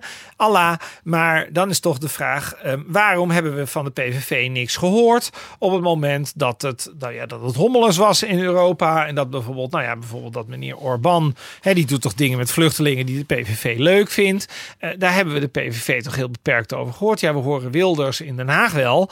Maar die PVV'ers, die, eh, ja, die zijn toch over het algemeen erg stil. Ehm, en Dus je zou echte de- oppositie, echte oppositie is het natuurlijk niet. Je zou de PVV's in het Europees Parlement kunnen verwijten hoe je verder ook inhoudelijk over hun standpunten denkt. Mhm. Dat ze niet hebben geleverd voor hun vorstelijke salaris. Eh, dat, zou ik zo, dat zou ik zo zeker durven, durven zeggen. Ik zou zeggen, kijk, als je dan niks kunt bereiken, dan kun je in ieder geval een waai maken. En dan kun je in ieder geval ervoor zorgen dat mensen die euroceptisch zijn in Nederland, dat die eh, merken dat de PVV hun mening verte- hè, verkondigt in Brussel en Straatsburg. Dat lijkt mij het minste eh, wat, wat realiseerbaar Ja, is. en voor de zelfs als dingen stroperig zijn. Paul Tang van de Partij van de Arbeid heeft bijvoorbeeld in uw boek dat standpunt. Eh, dingen die je niet van de een op de andere dag kunt realiseren. Maar eh, hij noemt zichzelf een actievoerder in pak. Ja. Dus hij eh, maakt zich bijvoorbeeld druk over belastingontwijking internationaal. Ja. Nou, internationaal, het zegt het al, dat gaat dus boven de nationale landen. Mhm. Dus je kunt in ieder geval zorgen dat die discussie ontstaat en, Ja. en gevoerd wordt. Dat zouden zij, dat zouden ze kunnen doen. Ehm, en dat doen ze niet. De, dus het, het, is, blijft een beetje lastig. Ik denk altijd ehm, ook een beetje medelijden mee op een bepaalde manier. Kijk, ze, ze verdienen wel vorstelijk. Maar ik vraag mij toch af hoe het is om Europarlementariër te zijn voor de PVV. Dat je daar dan toch hè, drie keer, tot zeker drie dagen of vier dagen in de week bent. En dat er, niet, er komt geen lobbyist op je af, want die hebben je niet nodig. Want die gaan allemaal naar die andere fracties toe. Ehm, je, bent, ja, je stemt wel mee, want anders staat dat in zo'n database. En dan staat dat de PVV heeft niet gestemd. In zo'n vergadering, ja, eigenlijk is de consensus, gaat al meteen een andere kant uit. En daar kun je eigenlijk niks in bereiken. Waar, waar die mensen, of die mensen zin hebben om in bed uit te komen de, vol, de volgende ochtend. Ik heb het wel eens gevraagd, krijg je ook geen, niet echt een antwoord. Het heeft een soort tragiek. En want het is, het is onvoorstelbaar zinloos. In die zin zou je kunnen zeggen, wat de SP doet, die ook niet erg voor Europa zijn. Maar die proberen in ieder geval wel op dingen waar zij dat nuttig vinden, proberen zij iets te bereiken. Dus dan heb je ook iets. Nou, dan heb je ook Ja, iets en ik heb ook de indruk in, in het Europees Parlement dat Dennis de Jong van de SP, eh, dat hij ook wel waardering krijgt van zijn collega's. Voor wat hij dat doet. Weet ik wel, dat, weet ik wel ze- dat weet ik wel zeker zelfs. Ehm, en dan kun je nog, je kunt nog discussiëren over is dat dan te eurofiel of niet. Maar dat zijn, dat zijn volgens mij vanuit. Er zullen veel mensen zijn die dat nuttige dingen zijn, vinden die hij bereikt. Ehm, en dat is natuurlijk waarvoor je het uiteindelijk doet. Ik bedoel, je moet er niet alleen maar zitten omdat je dan af en toe een filmpje kan maken. Omdat je dan bij zo'n debat, als de hele onderhandeling al is geweest, nog een keer kan zeggen als enige, omdat jij niet bij die onderhandeling was. Ja, en we zijn het er niet mee eens, want. Want ja, iedereen denkt, nou ja, oké, we zijn, we zitten, we wachten op de volgende spreker. hè. Het wordt tijd om te stemmen. Ja, dus als je die eh, Europarlementariërs ziet van de PVV, ik heb het ook wel eens op die manier waargenomen hoor. Dan zie je ze in de koffiekamer zitten eh, aan een tafel allemaal bij elkaar. Want er is verder niemand die ze nodig heeft. Ja. Geen, geen andere Europarlementariër, Ja. geen lobbyist. Ja. En dat is dus een heel eenzaam bestaan voor die mensen. Ja, dat is een heel, ze zitten ook heel, ze zitten ook fysiek heel ver weg. Ja, niemand kent dat gebouw, maar het is, het is megalomaan. Het is vanaf de ingang de verste, eh, het verst lopen naar de PVV van alles. Ja, en dat maakt ook niet uit, want je hebt ze En dat maakt niet nodig. uit, want niemand heeft ze nodig. Ja. Ja, dat is, En dat is natuurlijk uiteindelijk in democratisch oogpunt is dat natuurlijk even afgezien van of zij dan daarin goed functioneren. Maar dat is natuurlijk wel problematisch. Want ik bedoel, het is natuurlijk niet zo dat al het beleid dat uit Europa komt goed is. Daar is absoluut kritiek op te leveren. En dat zou eigenlijk wel daar een stem moeten krijgen. En het zou ook een kans moeten Ja, hebben. dus dat om zou bijvoorbeeld- te materialiseren in beleid. Ja, dat zou bijvoorbeeld voor de, het Forum voor Democratie, Dirk-Jan Epping is daar de lijsttrekker, een rol kunnen zijn die eh, zij wel kunnen gaan spelen als ze het wat anders aanpakken dan de PVV. Nou ja, kijk, dat is natuurlijk het interessante. Kijk, eh, dan heb je die ECR-fractie, dat zegt mensen niks, maar daar zitten de Britse conservatieven in. En die is eh, tien jaar geleden opgericht, onder meer door Epping, toen hij nog Vlaams Europarlementariër was.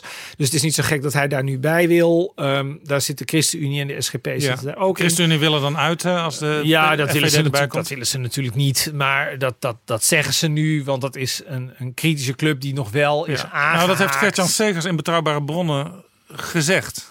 Wij gaan niet met de maar- FVD in één fractie Ja, zitten. dat zou kunnen dat hij dat zegt. Maar dat, ik ben daar toch wat kritischer over. Want de vraag is namelijk dan, waar kom je dan wel terecht? En dan kom je terecht bij wat, we dan nu, eh, wat nu EFDD is.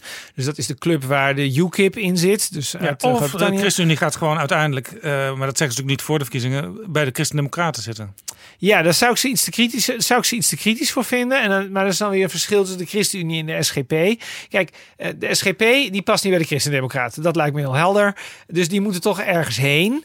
En, het is wel een gecombineerde lijst. In je eentje, ja, dan ben je toch minder belangrijk dan met z'n twee. Dus je wil dat toch eigenlijk samenhouden. En dat is dus ook precies het soort. Je ziet eigenlijk precies, dit is Europese politiek. Ehm, het is een dilemma. En dan is de vraag van ja, wat ga je doen? Want het is eigenlijk, het is eigenlijk kiezen tussen twee kwaden. Maar ik zou denken, ik zou gewoon met Forum voor Democratie blijven zitten. Ik bedoel, Forum voor Democratie krijgt, als ze vijf zetels krijgen, zijn ze een ontzettend groot succes.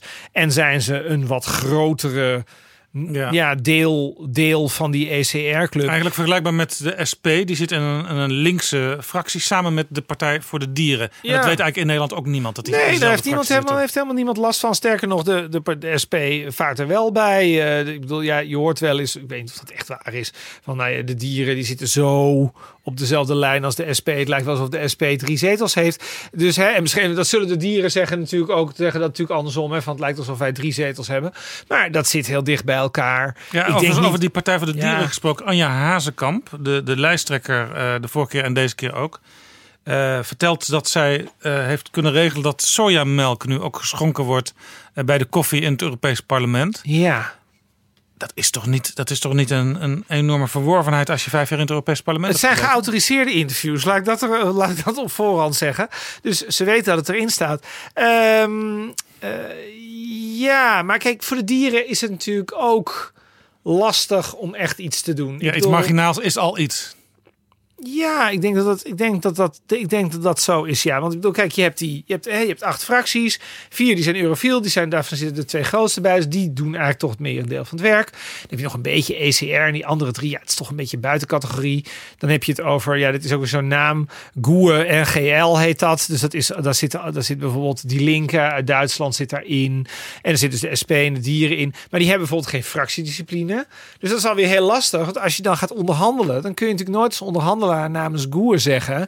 Ik, die 50 zetels, die staan ook echt achter mij. Want dat weet je niet, want al die deelfracties gaan het allemaal vervolgens zelf zitten bepalen. Dus ik denk zelf dat voor Hazekamp is het super moeilijk om iets te bereiken. En dat komt ook wel een beetje uit het, eh, uit het boek. Kijk, als je in het Europees Parlement effectief wil zijn, moet je er vooral lang zitten. Dus en Hazekamp staat er nu voor de eerste keer. Het is toch vijf jaar een beetje aanploeteren, die procedures leren kennen. En daarna zouden er eventueel resultaten kunnen komen. En dat zie je ook, denk ik. Want ik bedoel, de mensen die. eh, want ik bedoel, Wim van den Kamp is redelijk eh, succesvol. Dennis de Jong is redelijk succesvol. Marietje Schaken, Sofie Intveld, Gerber. Dat zijn allemaal mensen die in een tweede periode of verder eh, zitten. Dus het zijn toch. Het zijn toch ik bedoel, Kati Piri, zeg maar. Dat is toch wel een beetje de uitzondering van iemand die heel erg met de kop boven het maaiveld want- uitsteekt. en toch in de eerste Ja. periode zit. U geeft eigenlijk al antwoord op een vraag die ik nog niet gesteld heb, maar die, die ik zeker ook wilde stellen. Welke Nederlandse Europarlementariërs vielen de afgelopen vijf jaar echt op? Wie speelde een belangrijke rol? De website Politico die had onlangs 40 Europarlementariërs uit alle landen die ertoe deden. En daar zaten drie Nederlanders bij. Dat was Judith Sargentini, we noemden haar naam al. Marietje Schaken, die zich bezighoudt met digitale zaken en vrijhandel. Haar naam noemden we ook al. En eh, niet te vergeten ook Bas Eickhout van GroenLinks. De lijsttrekker en ook eh co-spitsenkandidaat. Ja. Dat spitsenkandidaat wil zeggen dat hij eh, de, de, de voorman van de Europese Commissie wil worden. Eh, maar die drie zijn dus volgens Politico de meest van Ja. de Nederlanders. Ja, nou Marietje hebben we toevallig net niet gesproken, dus dat is een beetje lastig. Maar eh, kijk, ik zou zeggen, wat Judith Sargentini gedaan heeft, ehm, dat is nooit eerder vertoond. Dat was, een on, dat was echt een hele moeilijke eh, opdracht eigenlijk. Dat was bijna niet... Dat Toen haar rapport was aangenomen door het Parlement was er ook een soort emotionele ontlading. Ja, dus ik zou zeggen, ik bedoel, Judith Sargentini, kijk, ja, ik vind het een beetje onaardig om dat zo over Judith te zeggen. Maar ik denk altijd, eh, toch een beetje uit de rechtse hoek komend. Ja, Judith was toch een beetje... Het was niet helemaal gelukt. Ze had wel eens iets onhandigs getwitterd over IS-mensen en zo. En ze vindt toch dingen over vluchtelingen die toch niet echt mainstream zijn. Dus het is toch allemaal een beetje moeilijk. Maar ja, Judith is zo gere- ja, ge- gerehabiliteerd klopt niet. Want ik bedoel, het was in principe oké. maar ze was toch van een gewone Europarlementariër. Is het toch naar een soort toppositie gekomen. Dat nu opeens iedereen zegt. En het zegt ze ook in het boek. Iedereen vindt nu opeens jammer dat ze weggaat. Ehm, en wat natuurlijk ook, ehm, wat je ook ziet. Maar goed, dat zit al een beetje in dat je zegt eh, Bas Eickhout. Ja, eh, waar zitten de goede Europarlementariërs? Of waar zitten de Europarlementariërs die ehm, de, ja, het meeste resultaat hebben goed? Ja, die zitten allemaal bij links eh, bij ons. Misschien, ja, dat is een beetje de vraag vraag waar je D66 bij indeelt. Maar als je die ook nog links indeelt, dan klopt het al bijna helemaal. Uh, die zitten allemaal aan die kant. En ja, hoe dat kan, dat weet ik niet. Ja, nou ja, er zijn natuurlijk ook Europartijen zoals uh, Hans van Balen van de VVD. De vorige keer was die lijsttrekker. En uh, van het CDA Esther de Lange. Zij zeggen, ja, wij spelen een hele belangrijke rol in de top van onze fractie. Ja, ja. Van Balen is dan ook nog voorzitter van de ALDE als Europese partij. Ja. Uh, en Esther de Lange zegt, ja, ik ben een soort troubleshooter, ook in mijn hele grote EVP. Uh, fractie. Ja. Het is een soort regeringspartij, hè? want wij doen ertoe. Als wij met de Sociaaldemocraten eens zijn, dan is er eigenlijk al ongeveer een meerderheid. Dan moeten we nog een paar bijzoeken. Ja, dit, maar dit is precies, dit is precies waar, ik, waar ik zelf wel, uh, wat ik dus heel lastig vind omdat ik dan denk van ja, maar dat is dus precies het deel van die politiek. Dus op geen enkele manier kan objectiveren. Wat daar dan precies. Dus ik wil, ik wil haar graag geloven. Dat, want het is een hele grote club. En daar zullen heel veel meningsverschillen zijn. Dus dan zul je ook mensen nodig moeten. Daar zul je ook mensen nodig hebben die een soort oliemannetje zijn. Um, maar ja, dan uiteindelijk is het wel een parlement. Hè? Dus het is uiteindelijk wel, al deze mensen zitten daar met het mandaat van een kiezer. En dan denk ik, oké, dus dan ben ik een CDA-kiezer in Nederland. En dan heb ik Esther gekozen. En Esther is dan een troubleshooter. Ja, ik vind dat toch een beetje. Ik bedoel, dan vind ik het verhaal van Bas Eickhout over dat klimaat. Of van Marietje Schaken over die digitale ontwikkelingen. En van Judith Sargentini over Hongarije. Dat vind ik toch honderden keren aansprekender. En ik, bedoel, en ik erken dat het functies ja, zijn. Ja, Bas Eickhout is zijn. zelfs, dat zegt hij in dat boek. Hij zegt: Ik ben de Europese politiek ingegaan. Uh, hij kwam uit de wetenschap. Hij hield zich met klimaatzaken al bezig. En hij dacht: Ja, als er ergens uh, op hoog niveau besloten kan worden, dan is het in Europa. Ja. Dus hij liet zich kiezen. Hij stelde zich kandidaat voor, voor GroenLinks Europees Parlement. En iedereen weet ook, hij is de man van het klimaat. Dat geldt trouwens ook voor uh, Gerben-Jan Gebrandi van D66. Ja. Dus die hebben inderdaad een heel duidelijke lijn. Als je hun kiest, dan weet je... Uh, of ze nou wel of niet rapporteur worden, ze gaan zich met hart en ziel voor die onderwerpen inzetten. Ja, en dat is natuurlijk, en kijk, dat vind ik dus wel de betere Europarlementariërs. Uh, even afgezien van hoe, hoe actief en hoe succesvol, et cetera.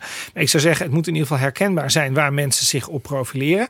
En dan doet ze bijvoorbeeld zo'n Anja Hazekamp van de dieren het eigenlijk ook nog niet eens zo heel erg slecht. Want die heeft zich wel uh, ingezet voor die dieren. Ja, het is wel de eerste periode, dus dat moet misschien ook groeien. Um, dat, lijkt mij, dat lijkt mij dan nuttiger persoonlijk dan mensen die een heel algemeen profiel hebben. Maar ja, je kunt ook zeggen, kijk, je hebt bijvoorbeeld Matthijs van Miltenburg die dan vijf jaar voor D66er gezeten heeft en die dan nu weg moet. Ja, die deed dan iets met transport, geloof ik. Ja, daar wordt natuurlijk niemand echt heel, heel erg vrolijk van. Maar ja, aan de andere kant moet wel een enorme lobbymacht in, in Brussel en in Ja. Straatsburg. Ben ik met je eens, maar dan kom ik toch weer terug bij mijn stelling. Het is een parlement en het parlement wordt opgebouwd door mensen die volksvertegenwoordigers zijn en die dus een achterban hebben. En vanuit burgers gezien vind ik dat een lastig, vind ik dat een lastig verhaal. Um, en, dat, en dat blijkt ook wel, want hij komt niet terug. Ja. Ik bedoel, de D66-leden zijn niet massaal uh, gaan, gaan muiten omdat Matthijs van Miltenburg niet een tweede Nee, periode krijgt. Wat mij ook opviel in het gesprek met Matthijs van Miltenburg in, in het boek. Het boek heet Wat doen ze daar eigenlijk? Gesprekken met Nederlandse Europarlementariërs. Door Chris Alberts en Mendeltje van Keulen. Wat mij opviel in het gesprek met hem, Matthijs van Miltenburg, was... Hij zegt, er zijn te veel Europarlementariërs. In plaats van 751 zouden er beter 550 kunnen zijn. Heeft hij daar gelijk in? Uh, dat kan ik niet. Dat kan ik niet ins. Dat kan ik eigenlijk niet inschatten. Kijk, ik vind politiek democratie. Dat is niet. Dat hoeft niet efficiënt te zijn. Dus het mogen er best wel te veel zijn. Um, kijk, ze hebben allemaal een enorme communicatieopgave om met kiezers en met gewone mensen uh, in contact te komen. En ja, misschien moeten ze gewoon wat minder. Als ze met te veel zijn, dan moeten ze gewoon wat minder vergaderen. En dan moeten ze wat vaker het land in. Dat lijkt mij eerlijk gezegd. Dat lijkt mij nuttiger dan het aantal mensen te verkleinen. Want laten we gewoon heel eerlijk zijn. Ik bedoel, 26 op heel Nederland. Nederland is natuurlijk op zich niet zo vreselijk Nee. veel. Alleen ja, omdat al die andere landen natuurlijk ook nog Europarlementariërs willen, hebben we er uiteindelijk toch nog uh, een hele hoop. Het lijkt mij, kijk, als je naar, puur naar de Nederlanders kijkt, ja, een paar zijn tamelijk overbodig. Dus uh, in die zin kan het natuurlijk best wat minder. Aan het begin van het gesprek hadden we het erover dat in de media op dit moment eigenlijk helemaal niet uh, blijkt dat er heel snel Europese verkiezingen aankomen. Ja. Premier Rutte heeft ook al een keer gezegd: het is een feestcommissie op zoek naar een feest. Het Europees Parlement. Ja. Met andere woorden, wat doen ze eigenlijk? Ja. Dezelfde vraag als uw boek stelt. Bij de vorige verkiezingen vijf jaar geleden was de opkomst 37 procent. En eigenlijk was het 25 jaar lang, elke vijf jaar ongeveer zo 37 procent vanuit Nederland. Zelfs nog wat lager dan het gemiddelde in heel Europa. Mhm. Denkt u dat de opkomst bij de komende verkiezingen op 23 mei hoger zal zijn dan die 37 procent? Nee, dat denk ik niet. En eh, kijk, eh, een paar procentpunten erbij eh, is eerlijk gezegd maakt zo weinig verschil. Dat zou ik nog steeds, dan vind ik dat nog steeds een mislukking. Kijk, je kunt natuurlijk niet denken, je, wat je niet moet denken is dat dit, dit is een heel ingewikkeld politiek systeem. Dat je dan even met wat posters en wat video's, hè, want dat is toch een beetje wat het Europees Parlement dan laat maken, dat dan eh, die opkomst opeens omhoog gaat. Het gaat toch over ehm, herkenbare politici. Is daar aandacht voor? Ehm, eh, begrijpen mensen welke issues er boven liggen? Ik zou bijna zeggen, eh, de partij die er nog niet in zit, maar die absoluut goed gaat scoren. Vorm voor Democratie. Ze gaan met, eh, ze doen 15 avonden door het land voor provinciale verkiezingen. Hè. Zijn ze in alle uithoeken van het land zijn ze er. Nou, vertel mij wat Forum voor Democratie doet nu er Europese verkiezingen aankomen. Ze hebben toch een redelijk bekende lijsttrekker. Ik bedoel, in ieder geval niet een hele onbekende lijsttrekker, Dirk-Jan Epping. Er is niets. Dus ehm, ja, ik bedoel, de vraag is natuurlijk of we niet allemaal, als dit het systeem is wat wij willen, moeten we ons allemaal een beetje inspannen. Nou, wij hebben in geval een boek geschreven. Dan moeten we ons allemaal een beetje inspannen om het systeem ook te laten werken. En dan laat de journalistiek het heel erg zitten, want die denken toch heel vaak landen zijn belangrijker dan het Europees Parlement. Maar partijen doen natuurlijk ook, natuurlijk ook niet heel, eh, doen natuurlijk ook niet heel erg veel. Ik bedoel, kijk naar wie er bij partijen naar het Europees Parlement worden gestuurd. Het zijn natuurlijk ook niet altijd de mensen waarvan je denkt van, oh, nou die brengen. Hè, ik bedoel, Agnes Jongerius van de PvdA, dat is toch een beetje de uitzondering eh, van dat er een grote naam eens een keer naar Brussel gaat. En dat doet natuurlijk wel iets met de herkenbaarheid, dat iedereen weet wie Agnes Jongerius is. Ja. En Frans Timmermans kennen we ook. De leider ja, van Frans de- Timmermans ook, maar dat, ja, dat, maar dat, is, dat, dat is juist, ja. En een heel enkeling, eh, een beetje Sofie in het veld, een beetje Bas Eickhout. hebben, zich, hebben, ze- hebben zichzelf eh, bekendgemaakt via dat. Europees parlement. Ja, dat is redelijk. Dat is bij deze twee misschien nog het meest gelukt, denk ik. Maar ik, bedoel, ik weet dat Sofie had, geloof ik, vijf jaar geleden, na tien jaar Europees Parlement, een bekendheid van 20% of zo. Ja, als er nooit, als er heel weinig, als er één keer in de maand een cameraploeg hebt, ik bedoel, het gaat natuurlijk om tv. Ik bedoel, ehm, de, de, kranten schrijven heus wel af en toe eens een keer iets over het Europees Parlement. De radio doet ook wel eens een keer iets. Het gaat er natuurlijk om hoe vaak komt er nou echt een, een, een, een cameraploeg het EP in. Dat is toch, dat is toch wel een bezienswaardigheid. Als er, ik, heb het zelf één keer met geen stijl gedaan. Dat vindt iedereen vindt dat heel, vindt dat heel bijzonder ehm, dat je daar iets kon filmen. Ehm, en ik bedoel, en daar begint toch de herken. Daar begint toch dat mensen denken: oh ja, dat is dat gezicht en die staat ongeveer daarvoor. Ehm, en dat is, dat is gewoon veel te weinig. Klaar. Chris Alberts, dank u wel voor dit gesprek. Graag gedaan.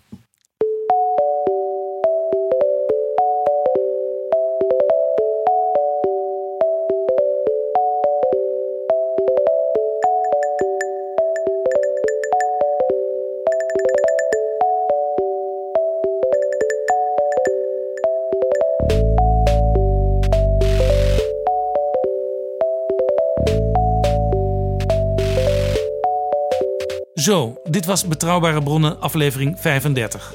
Volgende week verschijnt Betrouwbare Bronnen eerder dan gebruikelijk, namelijk al op dinsdag, omdat we dan een paar heel bijzondere gesprekken hebben over de toekomst van Europa die niet kunnen wachten. Voor één daarvan reis ik af naar Brussel en de andere vindt plaats op een ministerie in Den Haag. Het gaat om twee mensen met grote Europese ambities. Dit was het. Vergeet niet te stemmen op betrouwbare bronnen en op mij als jouw favoriete host bij de Dutch Podcast Awards. Dat kan op de website www.podcastawards.nl. Dus www.podcastawards.nl. Tot volgende week.